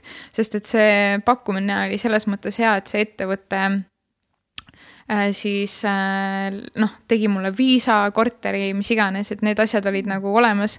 siis ma vaatasin, et okei okay,, et äh, ma lähen siis Indiasse. nii cool. üli, üliloogiline valik nagu. järgmine samm. mis sa Indias, mis sa tegid Indias? ma olin konsultant. ma olin ühes USA konsulteerimisfirmas ja ma tegin seal siis nagu juhtimisnõustamist ja äh, laienemisalaseid projekte siis peamiselt nendele ettevõtetele, kes tahtsid Euroopasse laieneda. kuidas sa oskasid teha neid äh,? ei osanudki lihtsalt äh, leiutad, no nagu enamus inimesi enda töökohal teevad, et äh, oh, snap. antakse mingi äh, task ja siis õpid lihtsalt nagu seal kohapeal ähm, jah, et siis ma nagu töötasin seal mingite selliste suurfirmade, noh, Amazon oli üks peamis, peamisi kliente, kes tahtsid teha mingid uued kõnekeskused ja ütlesid, et need on meie tingimused ja selles keeles, et leidke asukoht. ja siis äh, jah, lõpus äh, üks neist projektidest läks käiku ja praegu siis üks äh, kõnekeskus on ka Kosovos, mille ma siis aitasin nagu äh, paberil püsti panna wow.. Mega cool, aga ma eeldan, et sa said selle kõigest palka ka, et kuigi see oli nagu, ma saan aru, et sind võeti sinna vastu sellepärast, et nad aitasid seda praktika asja teha. ja nad... see oli ikka nagu töökoht, praktika okay. koht, et ma sain palka, aga jah, ja siis äh, nad aitasid ka korteri ja muude asjadega, aga see oli ikkagi nagu selline äh, praktikakoht, et, äh, et ei olnud nagu väga dollar, dollar bills mm,. dollar, dollar. kuidas oli elu siis äh, Indias? Siis kui ma Indiasse jõudsin, siis ma arvasin, et äh, oh, ma olen elu näinud, et oh, ma olen reisinud ja et, et äh, kultuurishokk, mis asja, et seda ei saa enam tulla, sest et ma olen seda nagu luupi nii palju teinud. ja siis ma jõudsin sinna ja siis ma sain aru, et ma ei tea nagu maailmast mitte midagi ja ega reisimisest ja kultuurishokist, see on nagu täiesti teine universum äh,. seal olid nagu mingid sarnasused Brasiiliaga, näiteks ähm, Äh, no näiteks see, kuidas mingid tänavad vahepeal lõhnavad, on ju. Äh, ja siis mingid muud asjad veel, aga India on ikkagi selles mõttes nagu hästi paeluv koht, et seal on nii palju kohalikku kultuuri alles, et inimesed kannavadki reaalselt tänaval sarisid äh, ja igasuguseid teisi nagu kohalikke rahvariideid. seal on täiesti omad toidud, kombed, et see oli nagu midagi täiesti teistsugust, et see kultuuri poolelt oli ülihuvitav ja siis noh Mumbai ja kogu see sagimine, see oli ikkagi nagu, sellega oli nagu meeletult raske ära harjuda, ma arvan, et ma ei harjunudki sellega ära ja ilmselt ei harjuks ka, kui ma läheksin nagu kümneks aastaks elama. et see, et, et kui sa nagu lähed äh, rongi peale, äh, kuhu ma sinna alguses läksin, siis ma ei teadnud, et rong ei ole nagu õige koht, kuhu üks eurooplane peaks minema, ma läksin lihtsalt rongi peale ja siis äh, see on niimoodi, et, et see rong on nii täis, et sa ei ei saa seista sirgelt, nagu ma sain esimest korda elus teada, mis tähendab, kui sa ei suuda sirgelt seista, sellepärast et äh, sinu ümber on nii palju inimesi. ja siis sa oled seal nagu rahvamassi keskel, äh, uksi ei ole ja siis, kui sa tahad enda peatuses maha minna, siis noh, esiteks sa pead tuvastama, kus sa oled ja teiseks sa nagu surud ennast sealt inimeste keskelt läbi. et nagu kõik sellised asjad ja nagu jah, seal inimesed päriselt ongi rongi katusel ja ühesõnaga see sagin ja see inimeste mass oli nagu meeletu, seda, ma ei ole seda mitte kuskil äh, mujal maailmas näinud, nii et Indias oli nagu jah, väga suur kultuurishokk võime siia kohe numbrid juurde tuua, et äh, selles Mumbai, noh, ütleme, et kas siis linnas või kogu selles linnas koos tema mingi äärlinnadega, et see on välja toodud, et on viisteist miljonit inimest elab Mumbais mm -hmm. wow. ja Mumbai pindala on kuussada ruutkilomeetrit see, see on nii tohutu, et me noh, eestlased, me ei suudagi mm -hmm. seda, et me ei suuda hoomata, sa võid isegi kui sa jõuad sinna keskele, sa vist tõesti siis ka ei saa aru, kui suur see on ja kui palju neid inimesi on ja ma arvan, et see ongi võimatu sellega leppida, sest mulle tundub see nii tohutult ebameeldiv, lihtsalt see surumine igal mhm. tänaval mm, -hmm. iga ruutmeeter, mis sul on seal kuuesaja kolme kilomeetri peal, sa pead võitlema selle nimel tänaval, autos, koridoris, rongis, pidev võitlus ruumi nimel jaa, absoluutselt, eriti kui on äh, mussoon, mis on siis äh, põhimõtteliselt Mumbai kolmas hooaeg, seal on kolm äh, aasta aega. mis tähendab seda, et kolm kuud järjest sajab. Ja mitte nii nagu siin meil on ju, vaid nii, et sa ei saa nagu tööle minna, sest et vihma sajab nii palju. Ja siis sul on vihmavarjud. Ja siis kujuta ette kõiki seda nagu rahvamassi, kellel on vihmavarjud. Ei kujuta kusjuures, kuidas see käib, need põrkavad lihtsalt kokku. jaa, aga see ongi ähm,, see nagu õpetas ähm, nagu enda eest võitlema äh, sõna otseses mõttes, et kui sa tahad ellu jääda, siis sa pead ikka nagu, pead nagu enda eest seisma ja sul peab nagu väga paks nahk olema, et seal nagu äh, ellu jääda mis veel seal äh, mõningad väljakutsed olid Indias olles? ma nagu tööl äh, tööl nagu kohtasin seda, et ma olin nagu päris noor äh, ja noh, naine ja Euroopast ja suht raske oli nagu no ma tundsin, et mind ei võeta vist nagu väga tõsiselt, pigem just nagu selle vanuse asja pärast. ja siis äh, ma ostsin endale fake prillid ja käisin nendega tööle, aga see oli nagu kokkuvõttes ilmselt halb mõte, sest inimesed said esimesel päeval aru, et need on fake. Äh, aga noh, siis ma vaatasin, et nüüd on nagu liiga hilja juba taganeda jäid oma valele kindlaks. aga noh, selles mõttes see toimis, et, et ikkagi mingi pärast paari kuud, kui ma olin seal juba natuke tegutsenud, siis meil oli üks värbamisprojekt ja siis me kasutasime nagu või noh, see ettevõte kasutas nagu väga igi, iginenud süsteeme, siis ma lõin ühe sellise äh, veits nagu ai-l põhineva nagu lahenduse sinna värbamisse siis äh, näitasin seda enda ülemusele ja siis nad said aru, et okei okay,, et siin äh,, siit võib isegi mingeid ideid tulla, et siis nad hakkasid mind nagu rohkem äh, tõsiselt äh, võtma, et nagu töökohas ei olnud sellist asja, ikkagi väga pidi nagu ennast äh, tõestama. mida see tähendab või kuidas see nagu sinu igapäevaelus väljendus, et nad ei võtnud sind alguses väga tõsiselt ja noh, et see, et sa oled naine ikkagi on ju Indias, no pff, naised, nad ei oska midagi, me teame ju no vaata, kui sind ei võeta tõsiselt, siis see on nagu noh, panganduses Wall Streetil, kui sa oled juunior analüütik. et sulle visataksegi lihtsalt mingi nii-öelda busy work ehk siis, et sa kogu aeg teed midagi, aga sa tegelikult ei tee midagi äh,. alguses siis saadki selliseid nagu sisutühjasid ülesandeid ja kui näitad, et suudad rohkem teha, siis läheb elu selles mõttes paremaks, et su tööl on nagu palju rohkem mõtet ja saad huvitavamate asjadega tegeleda kas sa said kogeda ka Mumbai ööelu ja pidutsemist? oo oh jaa äh,, absoluutselt. ma olen kuulnud, et see pidi olema kõva skeene seal. see on ikkagi äh, epic äh,, ma ütleks, et see on ikkagi kohati veel lahedam kui karneval, sest et Mumbai on ju Bollywoodi kodu, et Mumbai on selles mõttes India lõikes hästi unikaalne koht.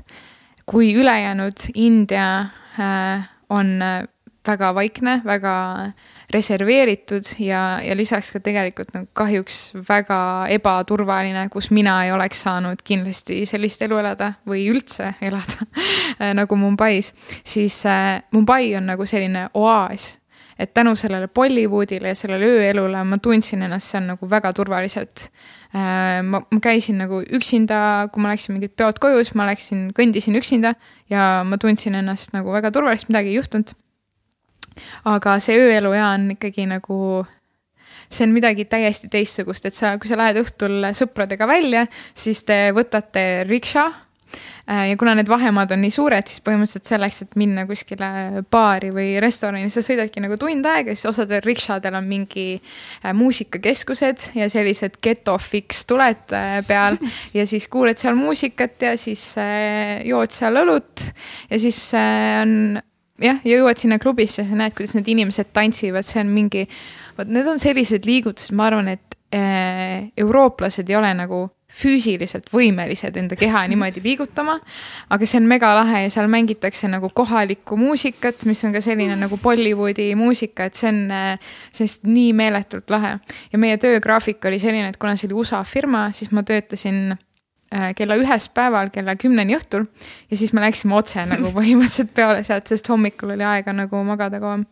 nii et jah, see ööelu on väga-väga äh, lahe. Lähme või?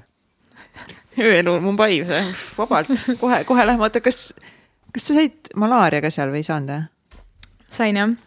Ehm, jah, see oli mu, äkki ma olin seal mingi kaheksa kuud olnud juba, äh, siis mussooni ajal Äh, paratamatult juhtub see, et tänavad on nagu täiesti üle ujutatud, äh, kuna vihma sajab nii palju ja seal ei ole nagu toimivat äravoolu ja nii, nii see vesi kui õhk on nagu väga reostatud ja, ja siis jah, ma sain, jäin seal malaariasse. et siis see natuke sakkis jah kuidas, kuidas see välja nägi, see malaaria siis sul? noh, see oli sihuke halb haigus, et, äh, et nagu esimesed, kui, kui nagu esimesed päevad olid võib-olla selles mõttes kõige raskemad, et ma tundsin nagu ennast nii nõrgana või ma ei tundnudki väga midagi, ma olin nii deliiriumis, siis tegelikult see taastumine oli palju raskem.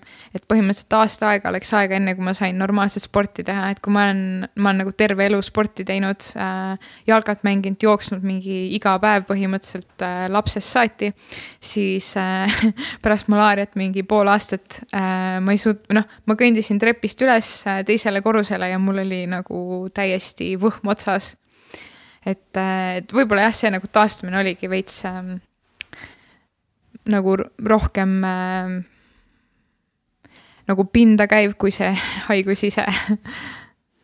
Wow.. kuskohast äh, tuli nüüd siin pidutsemise juures rääkides, eks ole, kuskohast tuli hüüdnimi mürgikuninganna? Ma rääkisin sulle seda enne saadet ja palusin mitte küsida, aga no täna aga täna. Kuule, meil on Mumbai, meil on on, mida me siin tagasi hoiame? ja see ei ole üldse nii hullgi. sa oled kõige ägedam naine nii tead äh, noh, ei, ma ei mäleta täpselt, kust see tuli, aga see on seotud sellega, et kui äh, ma segan äh, mingit kokteili kokku, siis see on nagu ütleme nii, et pigem kange. see on see story. üheksa osa džinni ja üks osa Sprite'i. Äh, heal päeval jah, absoluutselt, aga selles mõttes, et ei ole, noh, mis sa pealejooki raiskad nagu. täpselt, sustainability noh. Oh, täpselt. nii crazy, oh my god. pärast eh, Indiat. mis sai? ahah, ja ma kirjutasin enda selle lõputöö ära põhimõtteliselt nädala ajaga, sest et lükkasin jälle viimasele minutile, kuna selline nagu arvuti taga istumine ja kirjutamine on, ei ole lihtsalt üldse minu teema.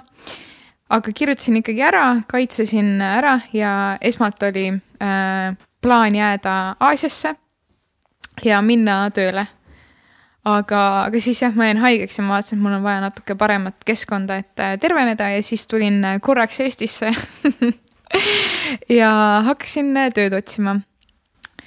ja, ja siis samal ajal asutasin ühe ettevõtte veel, ühe startup'i, mis Miks? lambist tuli kuidagi üks idee, et see konkreetne startup, see oli nagu siis tarkvaraplatvorm, mis aitas vanemaealistel karjääri vahetada aga tundus kohe algusest peale, et mul on vaja kindlasti mingit äh, tööd kõrvale leida ja ei tea, kas see on selline nagu asi, mis üldse kunagi toidab ära. ma korra tahan küsida siin sinu mõttekäigu kohta, et sa oled mitu korda siin toonud välja ettevõtte alustamist kui möödaminnes asi, mida lihtsalt nagu teeb. ja ettevõtlus on meil väga palju saates teemaks tulnud, kuna me ise oleme huvitatud sellest ja, ja mis mul on nagu tunne, on see, et väga palju võib-olla ka siin saates tegelikult ähm, ja, ja inimesed, kui on rääkinud, on, teevad võib-olla ettevõtluse vahepeal liiga keeruliseks isegi. Et kuidas see sinu mõttekäik on uue ettevõtte loomisel, et, et mõnede inimeste jaoks siin, kes meil just mm. ühes saates rääkis, et ta ei olnud enne nõus tegema, kui tal oli äriplaan paigas.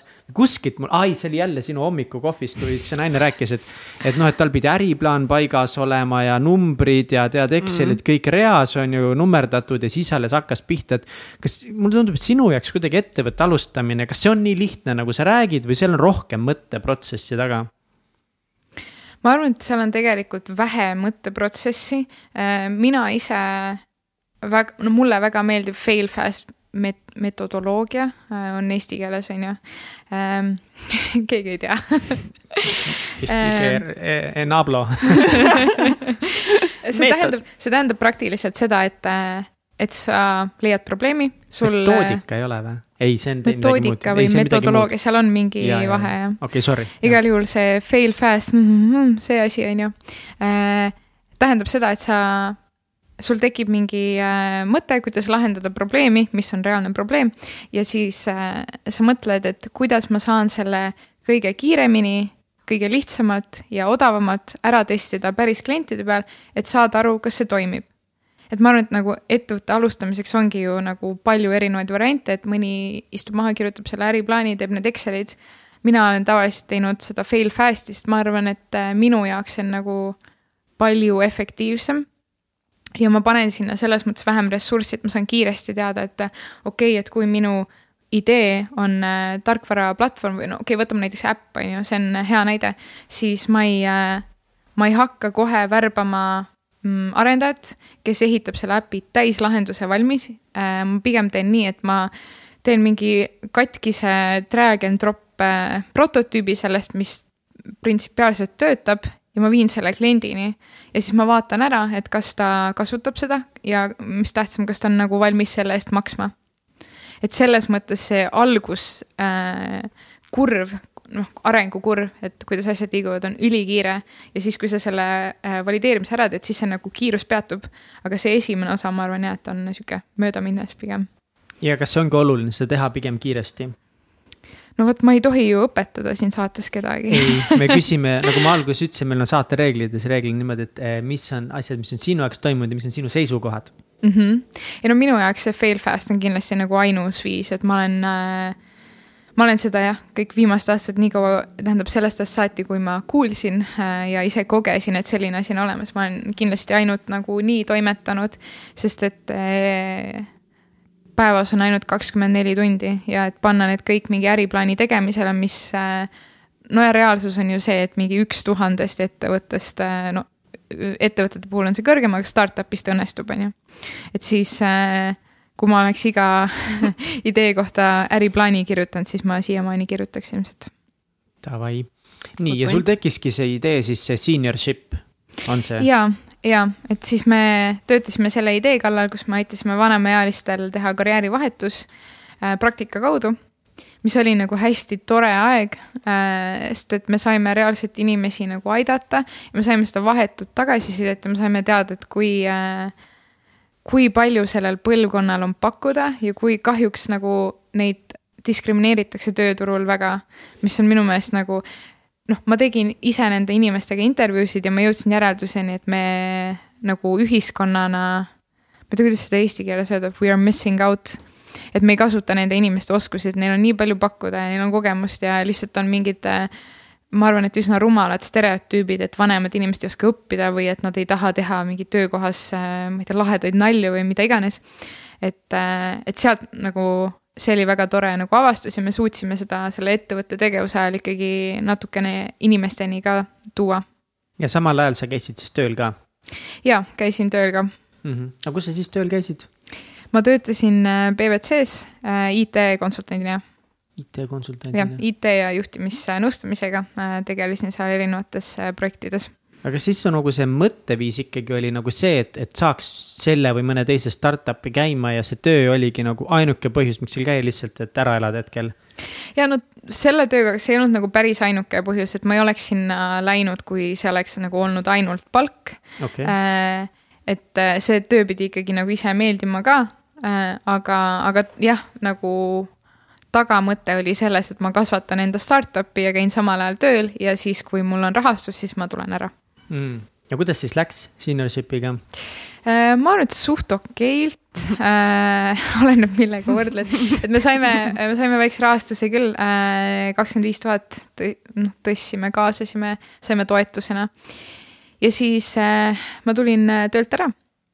aga ma olin siis nagu äh, poolteist aastat juba töötanud äh, ja no viimased pool aastat ma olin üldsegi nagu siis komandeeringus Poolas elasin üldse.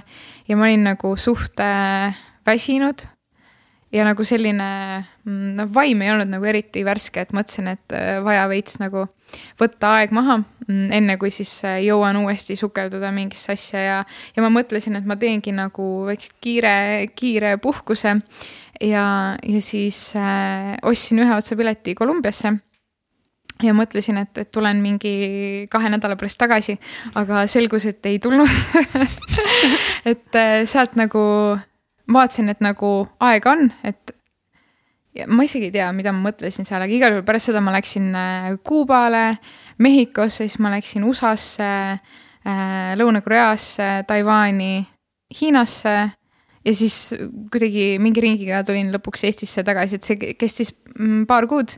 see oli selline nagu hea äh, juhtme seinast äh, väljatõmbamine, et mis tunne on äh, noh, pärast sellist nagu rask-, võib-olla nagu rasket aastat, kus sa oledki nagu mingis kindlas rütmis ja teed väga palju tööd, et siis mis tunne on, kui sul on ainult üks väike seljakott ja üks paar tosse ja siis niimoodi lihtsalt käia ringi ilma mingi suurema mõtteta. aga kas sa olid siis kogunud, kogusid raha selle jaoks, et sa siis said seal kolm kuud nagu? jah, ikka selles mõttes, kui sa tahad siin kaks-kolm kuud reisida, siis.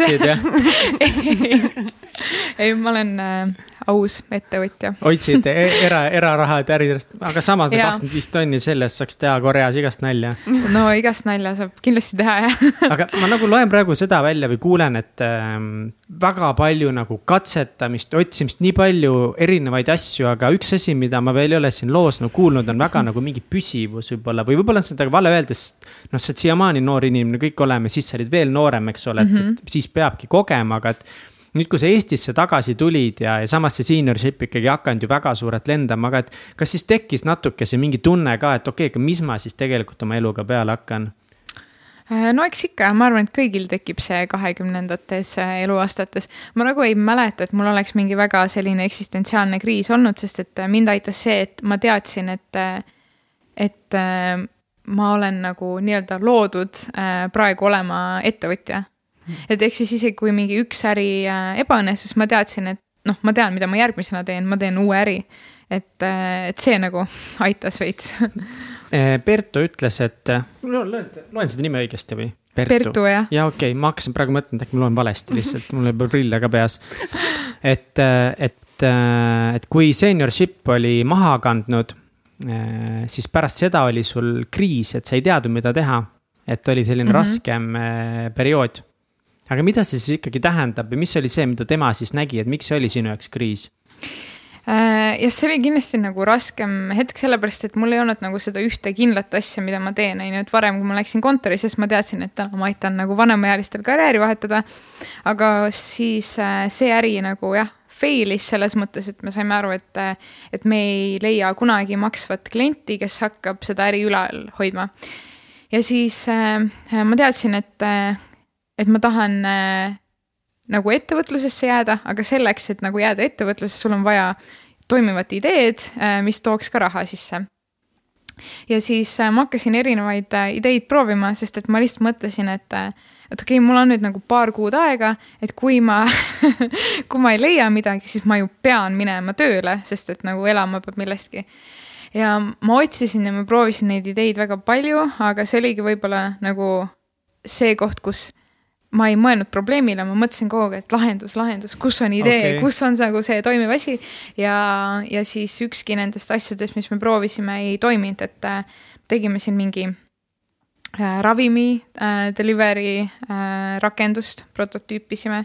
siis ma tahtsin pelmeeni automaati äh, ehitada, et saaks pärast pidu pelmeene süüa äh,. aus mõte. Vabaduse väljakul, mulle tundus, et see võiks nagu väga suur äri olla kas panite pelmeenimasina püsti ka või? Äh, ei pannud, kuna äh, ma ei ole insener äh, ega ka insenerilaadne toode äh,. seega ma sain aru, et, et jah, see selleks, et selline masin luua, seal peab ikka nagu mingi taip olema äh,. siis äh, jah, neid ideid oli päris palju Äh, ühe rakenduse tegime veel, äh, mis oli baaridele suunatud, siis ma tahtsin liikuvad kõnniiteed äh, ehitada.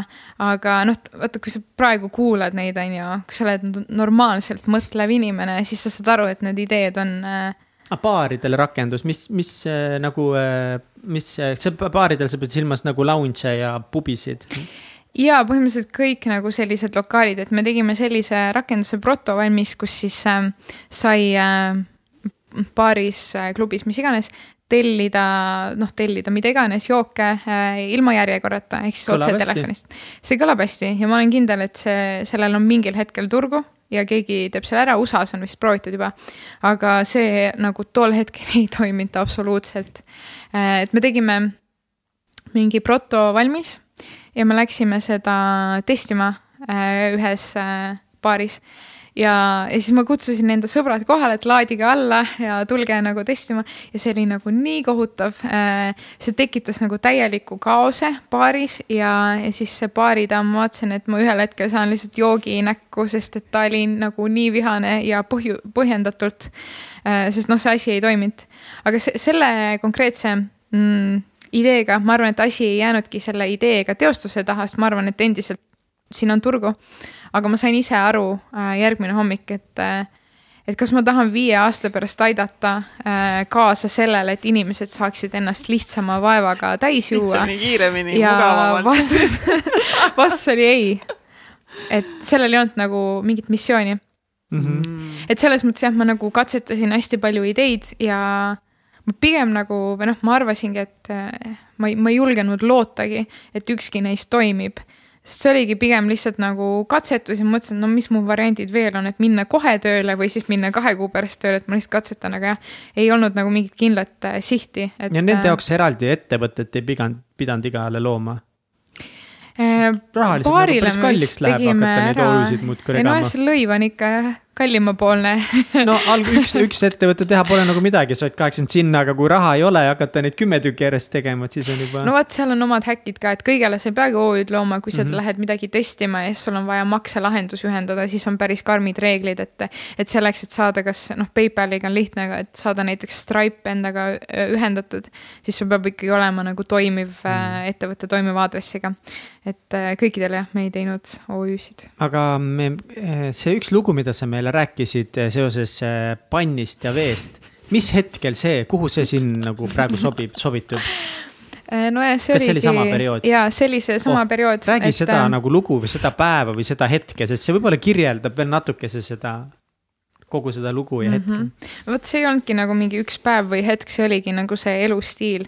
ma arvan, millest on vaja rääkida, et, et inimesed saaksid realistliku pildi sellest, et mida tähendab olla varajase faasi ettevõt-, ettevõtja, aga, aga et see on okei okay. et noh, tol hetkel, kui äh, me siis seniorship'iga lõpetasime oma tegevuse ära, siis äh, mul ei olnudki nagu tööd ja ma pidin elama nagu väga askeetlikes tingimustes. ja, ja siis ma, noh, ma hakkasin otsima nagu mingit kõrvaltööd ja ma kandideerisin hotellidesse administraatoriks, ma saatsin äh, jah, mingi viisteist äh, viieteistkümnele tööpakkumisele saatsin enda CV-d välja ja nad ütlesid mulle kõik ei. Äh, ühes kohas kutsuti intervjuule, käisin intervjuul ära ja siis intervjuul see inimene, kellega ma rääkisin, ütleski mulle, et kuule, et äh, nagu mida sa otsid siit, et nagu ma vaatan su CV-d ja ma räägin sinuga, et nagu mida sa siit tahad. aga ma ütlesin, et ma tahan tulla teile hotelli administraatoriks, ma mõtlesin, et, et see on hea sihuke töö äh,, öine töö. seal väga palju inimesi käis, ma samal ajal saan oma äri arendada, on ju, kui ma tiksun seal vastuvõtus. aga jah kõik äh,. nägid läbi seda plaani. no vot, no, no nad ütle, ütlesid ja, et sa oled ülekvalifitseeritud või äh, mi- midagi sarnast. Et ühesõnaga jah äh,, see on nagu probleem, mis on paljudel varajase faasi ettevõtjatel. et äh,, et sa pead jätma endale mingi koormuse vabaks, et äh, tegeleda oma äri arendamisega, mis tähendab seda, et sa pead nagu väga väheste vahenditega hakkama saama. ja ma elasingi ma elasingi nii, et mul ei olnud nagu veekeetjat äh, ega ka potti aga kohvi oli vaja juua, unetunde nii palju ei tulnud ja siis ma keetsingi nagu panni peal kohvivett ja siis tegin endale nii kohvi. ja siis äh, eks mingi hetk turgatas küll, et nagu mida ma oma eluga teen aga samas see muutus nagu nii normaalseks, et, äh, et praegu on asjad nii, et tuleb lihtsalt äh, nii elada miks sa oma, ma ei tea, emalt või isalt või vanemalt või tuttavalt kelleltki ei küsinud ühtegi potti või veekeedukannu või vot see on abi? hea, vot ma oleks võinud selle poti kindlasti küsida vanematelt, aga noh, see pott on nagu selles mõttes äh, võib-olla ka metafoor mm. -hmm. et sa nagu üritad, mõtled, et okei okay,, et ma olen nagu täiskasvanud inimene juba, et üritad hakkama saada, aga samas äh, võib-olla nagu täiskasvanuks olemises ikkagi äh, fail'id kuidas su vanemad sind kasvatanud on? Milline kasvatus sul kodus on olnud? ma arvan, et selline väga vaba, et nad ei ole öelnud või nagu nad ei ole väga keelanud. põhimõtteliselt üldse ega öelnud mulle, mida teha, et pigem ongi selline nagu ise otsustamise teema rohkem. mõtlen, et nagu siit jutust ka nagu kõlab see läbi, et sul on kuidagi nagu tahe nagu ise kogu aeg hakkama saada ja ka selles olukorras. Et kui, kas sa oled mingites olukordades pidanud nagu pöörduma ikka nende poole, et tulge aidake appi, mitte kellelgi teisele oh,, aidake mind. väga palju tegelikult Jah. jah ja,, minu pere ja sõbrad on mind nagu väga palju aidanud okay., eriti nende äh, äriideede osas äh,. enne Vuulat äh, mul oli nagu suhteliselt häbi juba minna jälle oma sõprade juurde, et kuulge, et mul on jälle siin uus äpp, et te peate testima tulema.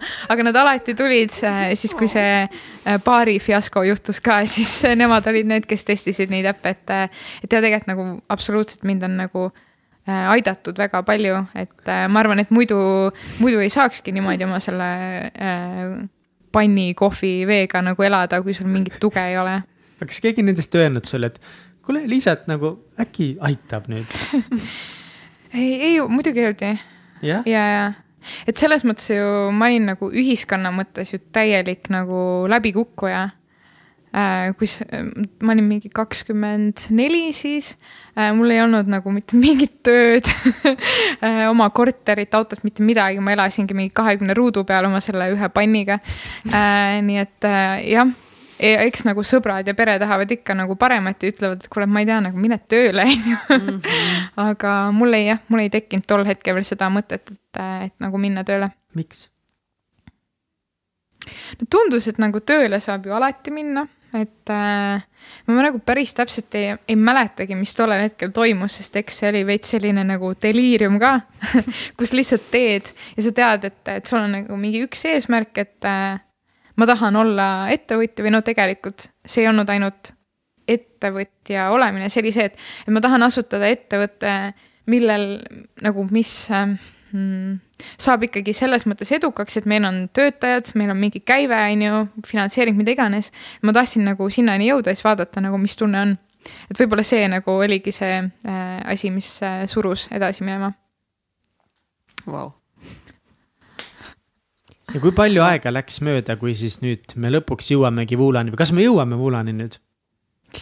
jah äh,, põhimõtteliselt küll jah. See oli siis see mm, viimane rakendus, millest ma rääkisin, oli siis kaks tuhat üheksateist suvel. ja siis äh, kaks tuhat üheksateist täitsa lõpus meil tuli see Voola idee, millest me siin saate alguses rääkisime äh, ja noh, kaks tuhat kakskümmend siis alates panime nagu täiskäiguga edasi ja kuidas, kuidas siis see ettevõte, võib-olla, mis on nagu sellel ettevõttel, mis oli siis nagu, sa juba tegelikult alguses ütlesid mm. välja selle, aga võib-olla uuesti välja tuua, mis oli nüüd erinev ja mis hakkas teistmoodi minema kui kõik eelnevad korrad? ma arvan, et ma ei teagi seda päris hästi, äh, sest et kui ma, kui, kui keegi teaks, on ju, et mis on see edu võti, on ju, siis sa lihtsalt teeksidki kõik asjad elus õigesti. aga see oligi tegelikult alguses nagu hästi šokeeriv, et kui sa oled nagu mingi äh, kümme ettevõtet asutanud OÜ-na ja võib-olla kolmkümmend nagu idee tasandil läbi teinud ja ainult nagu fail inud ja nagu hullult üritanud sisse murda sellesse kogukonda ja ma ei tea, nagu jõuda kuskile äh, ja noh, sa ei ole seda teinud ja siis ühel hetkel asjad hakkavad nagu minema hästi, siis see on meeletu šokk et kui me noh, tulime Voola ideega välja, siis esimesel päeval saime kohe selle nagu tagasiside Omnivat, et nad tahavad osta meie toodet, siis see andis nagu päris hästi mõista, et, et siin on nagu mingit tulevikku, sest noh, fail fast on ju, kui klient valideerib ära, siis järelikult on äh, probleem olemas ja, ja ka mingi turg. ja siis äh, me käisime ühel häkatonil äh, siin Tallinnas, võitsime selle ja siis läksime Climathonile, mis on siis ülemaailmne äh, Äh, keskkonna hoidvate ja keskkonnas säästvate ideede konkurss. ja siis me saime sinna mingisse lõppvooru Pariisis ja me võitsime selle ja saime kümme tuhat ja ma, ma ei suutnud seda uskuda, sest see oli põhimõtteliselt nagu esimene kord äh, äris, kui meil asjad läksid hästi ja, ja siis pärast seda nagu hakkasid jah, nagu asjad väga kiiresti liikuma, et siis me läksime TechChillile, mis on Läti kõige suurem tehnoloogiakonverents ähm, ja me võitsime seal pitching võistluse, mida ma ei oodanud üldse, sest et seal olid äh, noh, erinevad kategooriad olid fintech, B2B äh, ja sellised sektorid, millega nagu Baltikumis, noh, fintechiga on nagu, ma mõtlesin, et see on, see on sektor, millega on võimatu võistelda mm, -hmm. sest et see on nii domineeriv ja noh, SaaS on ju need ähm, serv- äh,. kommentaarid, mis ma enne rääkisin. Service as a service või, ei saa? Software, software, vabandust, jah, software as a service. ehk kuna... siis nagu Spotify'd ja kõik sellised on SaaS inimesed, kes ei tea ja et äh, kuna eestlased on selles nii metsikult head, eestlased oskavad saasi teha, siis ma mõtlesin, et kui mina sinna TechChillile läksin oma mingi villa jutuga, et noh, siit, siit vist naerdakse päris kiiresti välja. aga me võitsime ja nagu meie sektor ehk siis Cleantech äh, võitis, äh, mis oli võib-olla tol hetkel minu jaoks isegi nagu suurem positiivne üllatus, et nagu jah, Cleantech suudab teiste sektoritega võistelda, sest see nagu mingis mõttes on ikkagi võistlus äh, nagu nii investorite kui muude asjade mõistes, kui muidu Eesti startup community on, on äh, nii toetav ja seal ei ole mitte mingit sellist rebimist ega nagu mitte ühtegi nagu sellist negatiivset emotsiooni, siis tegelikult nagu ärimaailmas on ikkagi päris palju kattuvust, et, äh, et seal on võistlus. aga Cleantech võitis ja see oli nii positiivne, et nagu inimesed reaalselt saavad aru selle sektori vajalikkusest. ja siis sealt edasi me võitsime selle mm, Euroopa parima Cleantech startup'i tiitli saime viiskümmend tuhat. ja siis äh,, siis, siis ma sain aru jah, et Voola on nagu teistsugune. et, äh, et kohe, kui ma sellest äh, ideest rääkisin, siis inimestel nagu silmad läksid särama, mida noh, varem ei olnud juhtunud vaata selle esimese Omniva kõne ajal nagu, kas sa olid sisimas nagu täiesti valmis, et see samamoodi nagu ikka ei lähe lendama? No ma ei tea, mulle see tundus ikkagi natuke teistsugune, sest okay. mulle alguses tundus juba, et see, see idee on nagu väga hea. Äh, see võiks olla väga hea, et see ei olegi nagu mingi tavaline, mm, ma ei tea, jälle järgmine rakendus on ju, et see on ikkagi midagi teistsugust. ja noh, selle nagu missioon on nii ilmselge, et miks me seda teeme. et siis võib-olla ma alguses sain natuke aru, aga samas nagu oligi see hetk, et kus ma, ma olin nagu masin, et ma lihtsalt, ma tean, et ma teen midagi, et võib-olla siis nagu ükskord äh, õnnestub, aga ma ei, ma ei oleks kunagi nagu julgenud uskuda, et me jõuame Äh, kohta, kus meil on tiimis kaheksa inimest, et see tundus nagu mingi utoopia lihtsalt mm. -hmm. ja ma mõtlesin, et ma jäängi nagu mingi viiekümnenda eluaastani sinna kahekümne ruudu peale oma panni peal nagu vett keetma, aga, aga jah, Voolaga läks teisiti ja nii palju auhindu ja nii palju tunnustust, lihtsalt see, kui palju tunnustust tegelikult nii lühikese aja jooksul, et see võib kas see on ka kuidagi nagu overwhelming, ma ei tea, mis eesti keeles on, et pakid? ja kindlasti, aga samas me eh, neid auhindu ja neid tunnustusi nagu vaatame, ma arvan, et väga ratsionaalselt mm., sest et kui sulle antakse üle tiitel Euroopa parim äh, roheidufirma ja siis sa oled samal ajal mingi tehases, mis näeb välja nagu kuur ja sul on seal hiired, siis sa lihtsalt ei võta seda tõsiselt, sest et sa mõtled, okei okay,, me ei ole Euroopa parim roheidufirma, mis siis, et te selle tiitli meile andsite. et, äh, et see oli jah, kindlasti nagu annab mingit hoogu juurde, aga, aga samas ma ma olen üritanud jah, seda nagu väga ratsionaalselt vaadata, et see viimane rahastusring ka, mille me tõstsime, siis, ähm, siis need investorid, kes seal on, on äh, on nii head investorid ja lihtsalt head inimesed, et nad on nii optimistlikud ja nad väga usuvad Voolasse ja nad äh, räägivad meie kohta väga palju head, aga samas see kindlasti nagu loob äh, väga kõrged äh, ootused ka. et, et selles mõttes ma arvan, et on tähtis nagu mitte selle peale liiga palju mm -hmm. mõelda ja lihtsalt äh, tegeleda päris äriga ja mitte sattuda selle mulli sisse, et. et ma olen nüüd mingi hullult kõva tegija ja ma käin nüüd iga päev, ma ei tea, mingi televisioonis rääkimas sellest, et äh, mida me teeme, et on tegelikult on vaja ikkagi klientidega ainult tegeleda. palju te tänaseks siis raha tõstnud olete? nelisada viiskümmend tuhat Pertu tõi ka kõnes välja just, et, eh, et olgugi, et nagu nii palju head on Voolaga juhtus, Voolaga on, eh, Voolaga on samamoodi fuck up olnud ja väljakutseid väga palju. ega tema tõi ka välja, et tehases on rotid siis, et okay, ütles, et investorite round oleks peaaegu kokku kukkunud. räägi mm -hmm. nendest väljakutsetest. ja no äh väljakutseid on hästi palju ja no ma olen siin enda sõpradele rääkinudki seda, et kui äh, kui me jõudsime nagu sellele next level'ile, kui see kõik oleks nagu arvutimäng, siis, äh, siis oli nagu mingi periood, mingi kaks kuud, kus äh, iga reede, kui me saime kokku, siis ma ütlesin, et mul ei ole kunagi elus nii rasket nädalat olnud ja siis see kordus järgmine nädal. et see oli nagu naljakas. Äh, no tegelikult raha tõstmine, raha tõstmisega oli päris lihtne. Ähm, raha tõstmine on meeletult stressirohke, nagu nagu vist kõige stressirohkem asi, mida ma olen nagu üldse siiani teinud. et äh, seal on jah, mingid sellised hetked vahepeal, kus sa mõtled, et äh, kas me tõesti suudame selle nagu ära teha. aga meil oli raha tõsta nagu väga lihtne, sest me ootasime õige hetkeni, äh, kus me ei pidanud nagu ise küsima otseselt, vaid pigem nagu me saime valida, et mis investorid me sinna võtame. aga see dokumentatsioon ja kõik need asjad on nagu jah keerukas. siis ähm, selliseid äh, nagu tootmisega seonduvaid äh, fail'e on äh, palju olnud, et äh, et noh, tarkvara, tarkvaraäris on kindlasti nagu ka väga palju raskusi ja selliseid raskusi, mida mina ei mõista, sest et ma ei ole olnud nagu suure tarkvaraettevõtte juht. aga tootmine on ikkagi teine maailm. seal on nagu füüsilise toote tegemisega seonduvad nii paljud aspektid, et sul on nagu tarned ja siis sul on ka nagu füüsikaseadused, et kui mingil hetkel me näiteks äh, katsetasime enda nagu tootmist, kui meil ei olnud veel äh, tootmistiimi ega insenere. Ja siis me põhimõtteliselt founder itega koos äh, üritasime nagu midagi toota ja tellisime mingid metallraamid, me kasutame siis tootmiseks metallraame ja me lasime siis äh, nagu laseriga selle metallraami valmis teha, siis maksis kolm pool tuhat eurot. me viisime selle tehasesse ja me saime nagu sekundiga aru, et see ei toimi ja see on põhimõtteliselt nagu Emexi jutt nüüd, et seal ei ole nagu muud teha kui vanarauda et selles mõttes selliseid nagu väikseid fail'e ja see, et, et sa tuled tehasesse, siis sul on nagu lähed sinna ja siis vaatad, okei okay,, et meil on siin hiiretrotid, on ju, ja siis sa nagu fix idki seda. ja siis samal ajal äh, räägid investoritega telefonis, nagu selliseid asju on äh, hästi palju.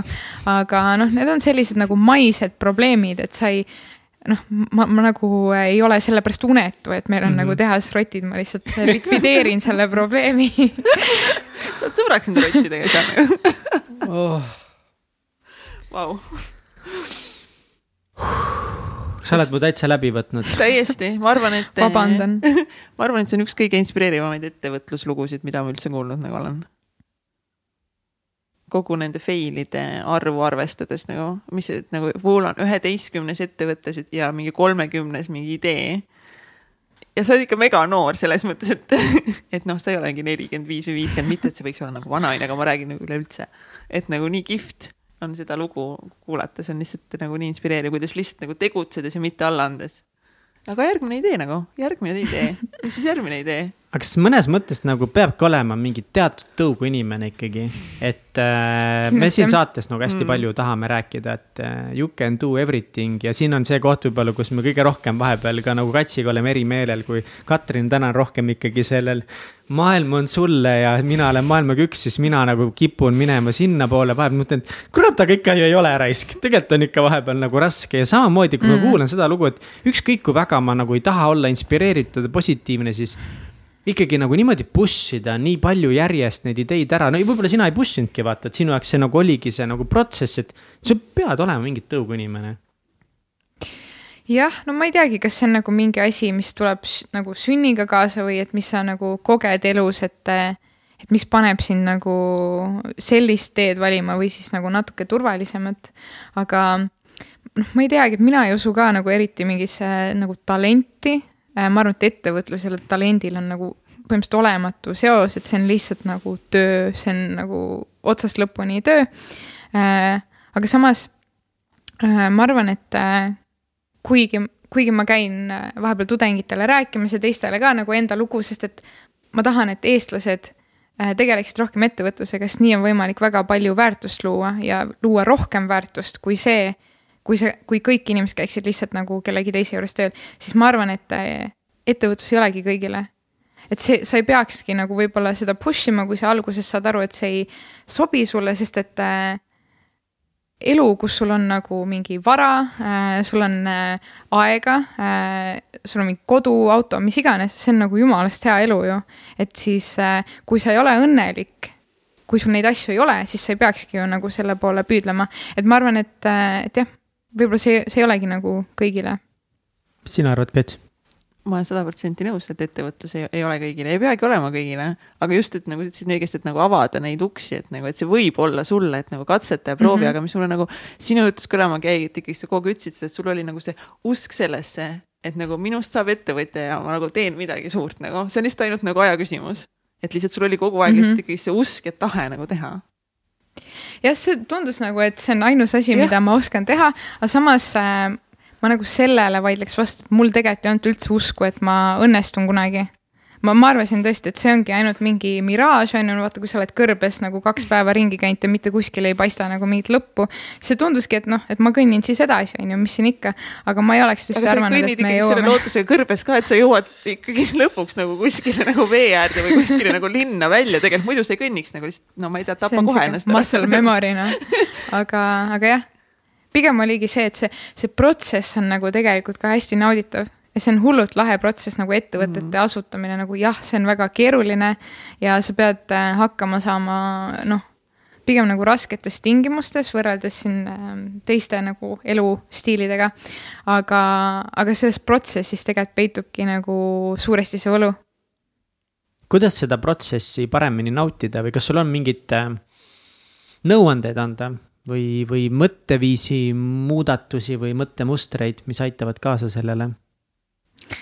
Äh, no eks ikka, ma arvan, et, äh, et see kõik muutub äh, väga palju lihtsamaks siis, kui sa ei võta nagu ennast ega elu üldse tõsiselt. et selles mõttes noh, praegu on ju, meil on nagu tiim, meil on eesmärgid ja me töötame väga palju ja ma võtan neid eesmärke tõsiselt, aga need läbikukkumised, et neid ei tohi nagu võtta liiga tõsiselt, sest et fakt on see, et kui sa midagi teed, noh, ettevõttes on ju uute asjade tegemine, siis äh, siis sa nagu mingis mõttes muutud nagu peksupoisiks ja on hästi palju kriitikat, et kui alguses see on raske sellepärast, et, äh, et sul ei tule välja, on ju, et sa ei leia mingit klienti, kes ostab su asja, siis kui sulle nagu, kui sa saavutad selle esimese edu, siis see raskus hakkab tulema pigem nagu väljast.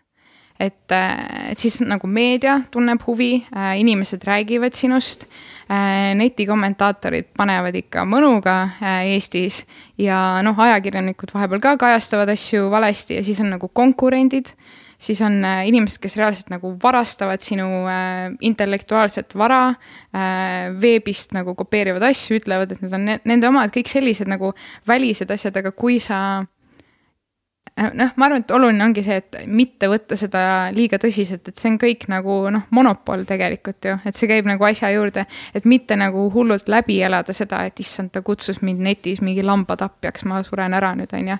et, äh, et jah, kui sellest aru saada, siis on nagu palju lihtsam äh, edasi minna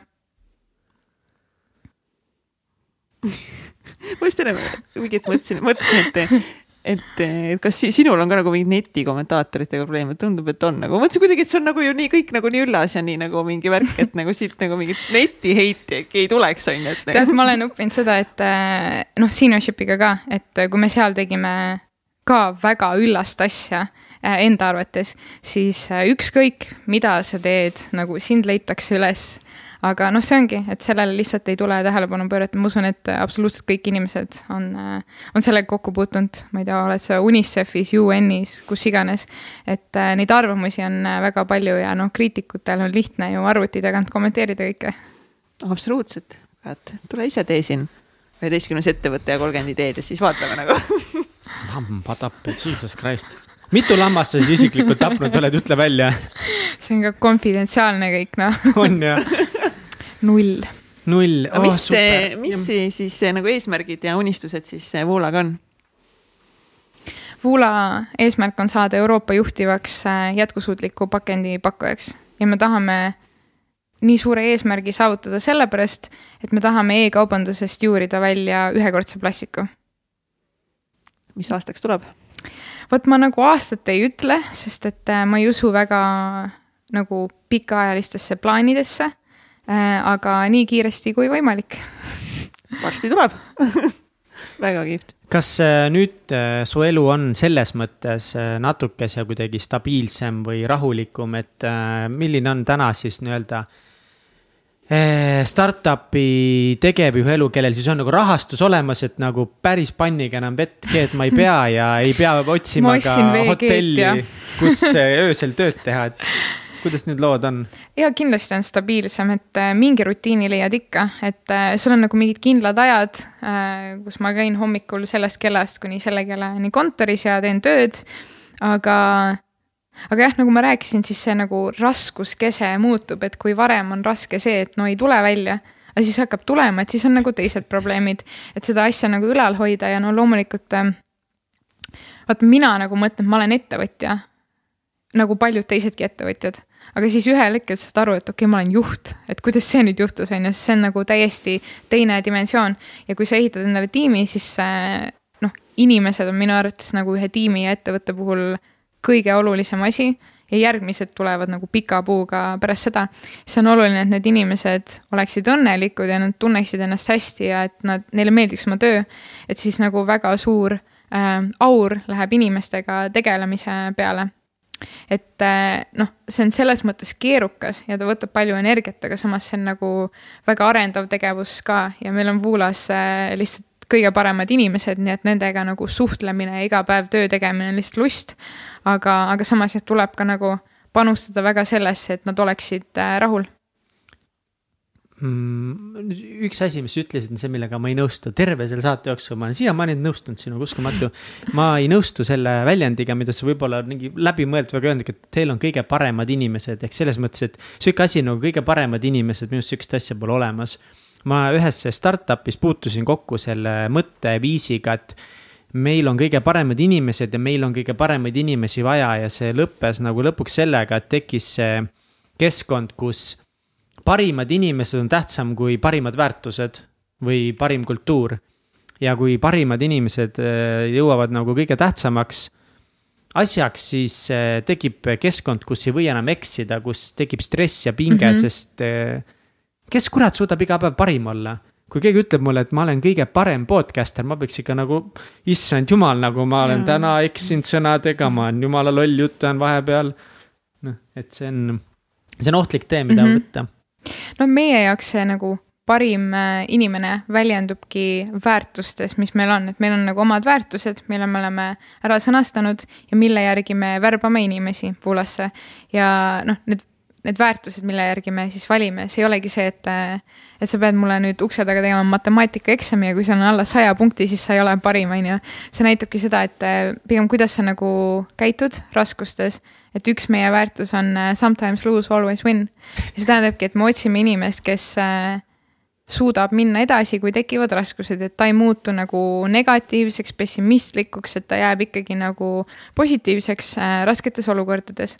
et, et selles mõttes on, ma ütlen, et meil on nagu parimad inimesed, sest nad saavad aru äh, meie väärtustest, et äh,, et jah, ma, kindlasti nagu, kusjuures, kui ma värbasin äh, nüüd siin aasta alguses äh, tiimi lisaks meie founder itele, siis ma ei vaadanud mitte ühtegi CV-d et nagu sellised asjad nagu mingi, kus keegi koolis käis, mul ei tulnud pähegi nagu.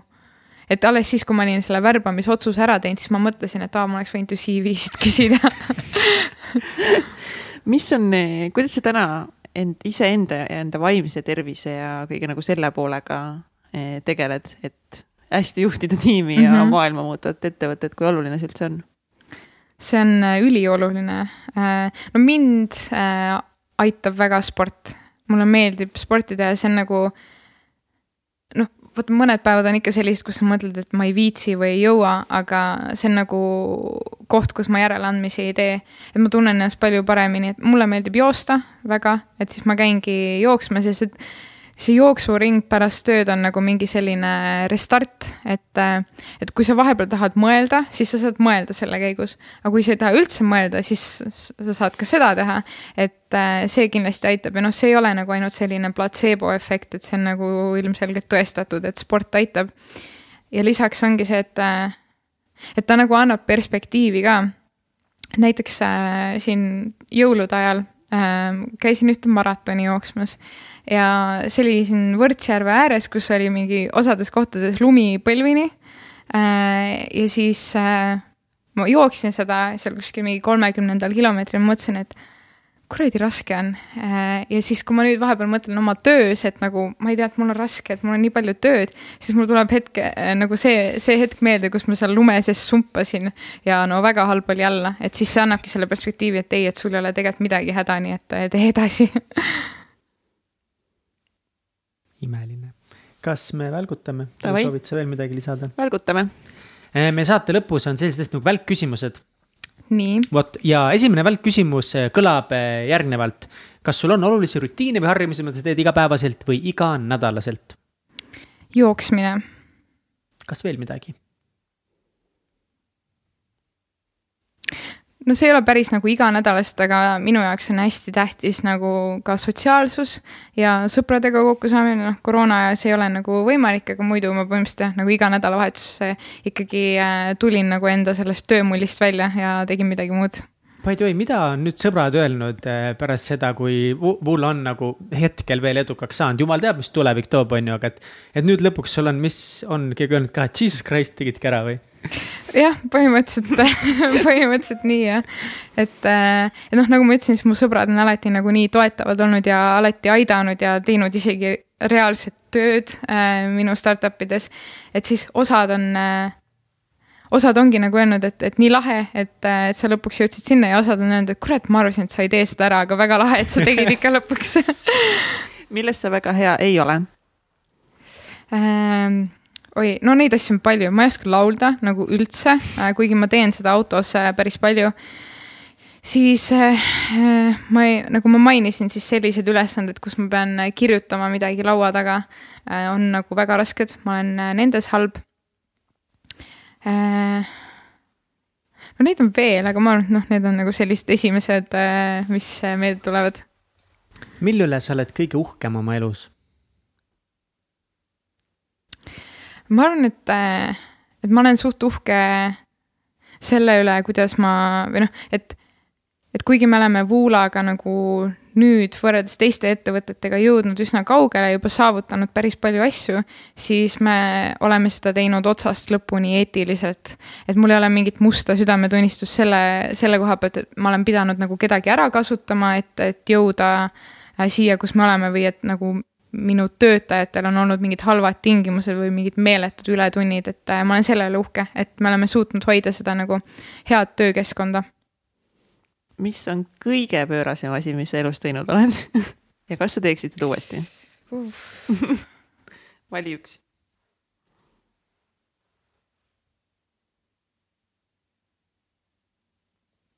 hullult raske on valida. no ma arvan, et see on seotud kas reisimise või spordiga, et nagu jooks, jooksmise osas on tehtud päris pööraseid asju, aga ma usun, et ikkagi äh, Brasiilia kogu oma viisasaagadega äh, ja karnevalidega oli üks keerukamaid. ja mis spordis on, midagi sa mainisid, pean küsima äh,. maraton ja, ja näiteks äh, tipust topini äh, teatejooks mis asi? tipustopini teatejooks, mis on siis äh, toimub suvel teatejooks Munamäelt äh, Tallinnani, mis on siis äh, äh, jooksed nagu koos kümne inimesega, igalühel kolm vahetust, keskeltläbi kolmkümmend, nelikümmend kilomeetrit äh, järjest, et ehk siis sa ei maga äh, ja sa jooksed öösel ja sa jooksed kolmekümne kraadise kuumaga ja see oli päris crazy, aga väga lahe. Jesus, mis on edu võti? Tead, ma arvan, et, äh, et see ongi võib-olla see, et, äh, et jää inimeseks. sest et äh, kuidas sa nagu defineerid edukuse, et, et see, et kui mul on nüüd mingi ettevõte, mis toodab kvartalis üks miljon käivet, aga ma olen täielik douchebag selles, kuidas ma oma töötajaid kohtlen, see ei ole minu arvates edu. et edu võti ongi siis, et nagu jää inimeseks. skaalal ühest kümneni, kui veider sa oled ma arvan, et suht tugev üksteist super, ikka peab üle müüma, väga hea, mulle meeldib see ehm,. tood rampse ka või? küsi küsimus Küs. Ah, vabandust, ma küsin küsimusi, jah, ehm, minu viga. anna, anna ka sina mulle andeks, et ma küsimust ei küsinud. nii, ehm, ega sul juhuslikult ei ole mõnda lemmiktsitaati? No ma juba ütlesin selle sometimes lose, always win. aga äkki on uh, sometimes win, always lose ei, see, see ikka, see kaotab oma mõtte ära. et see, ma arvan, et see ongi nagu tänase jutu kokkuvõte, et et, et isegi kui läheb halvasti, siis on ikkagi mõtet edasi minna. järgmine kord võib-olla läheb paremini ma ei tea, saate pealkirjana. kui palju sa raamatuid loed ja mis on mingid raamatud, mis on sinu elu kõige rohkem mõjutanud? Äh, see käib mul nagu hooti, äh, vahepeal meeldib väga lugeda ja loen nagu väga entusiastlikult, vahepeal vähem. Äh, raamatud, mis on elu muutnud, no viimasel ajal ma olen hästi palju lugenud gümnaasiumi õpikuid, näiteks geograafiat ja lähiajalugu, sest mul jäi seal nagu päris suur tükk vahele siis, kui ma kooli ajal nii palju tähele ei pannud. siis ma avastasin, et mul on need raamatud olemas ja see see oli nagu väga tore lugemine, et teada saada, kui vähe ma tean mm. -hmm. siis äh, üks raamat, mis mulle väga meeldib, on Factfulness mm. -hmm. ma loen just seda praegu. väga hea, see on, ma arvan, et see on nagu sihuke äh, kohustuslik kirjandus kõigile inimestele, et me saaksime omavahel paremini läbi ja et me oleksime nagu veits targemad ja Äh, rohkem kaalutletud. praegu loen äh, Obama uut raamatut äh, So far so very good, nii et. ta on uus raamat või? jaa. mul on see, Promised Land praegu pooleli. no vot seda ma mõtlengi see on ju päris uus. ja, ja, ja on küll ja, aga ma lihtsalt, ma ei teadnudki, et selle nimi on. see on ta kolmas raamat tegelikult. ja, Promised Land on selle nimi või, või mis sa ütlesid, sa ütlesid? jaa, Promised Land. aa, ma kuulsin midagi muud just, ma võib-olla näen nallukaid Äh, kui ma siin juba lubate mul lahkesti, siis ma soovitaksin sulle sihukest raamatut nagu Sapiens. võib-olla sa oled kindlasti väga palju kuulnud sellest, ah, oled lugenud mm -hmm. ka suurepärane ülevaade ajaloost mm. -hmm. Nonii, e, meie poolt siis e, saate kingituseks valida ühe e, raamatu siit kirjastunud siis Million Mindset, esimene valik sulle siis mõtlemist muutes rikkaks naistele. siis mm -hmm Hall Elrodi imede valem, vankumatu usk pluss erakordne pingutus võrdub imed hmm,. vot, see on sinuga tsitaat ja siis tulemuslikkuse kunst, sinu konkurentsieelis ja veel üks Hall Elrodi raamat Imede hommik mm. -hmm. valik on sinu. nii, aga ma võtan selle Imede hommiku siis, selle absoluutselt, palun. aitäh. oota, anna, ma kirjutan siia ka. no ja, ja. enne kui sa hakkad siin lahkelt jagama neid raamatuid, jah. kus meie kuulajad saavad sinu tegemistel ja Vuula tegemistel silma peal hoida? ähm,. Vuula Insta ja LinkedIn on koht, kus me postitame ja Vuula kodukas. Davai, lingime need äh, saate alla ka. ma tänan sind selle eest, et äh, sa jagasid seda pöörast lugu ja kõike seda kreisidust ning kõige rohkem just seda visadust, mis sul on, see on tõesti väga-väga inspireeriv. visahing neli. Visahing neli oli jumala lahe, visahing viis oli prügi. No peab, peab järje te tegema siis. Siin on küll sihukest eh, dokumentaalimaterjali eh, palju, millesse saab mingeid action filmi stseene eh, pookida.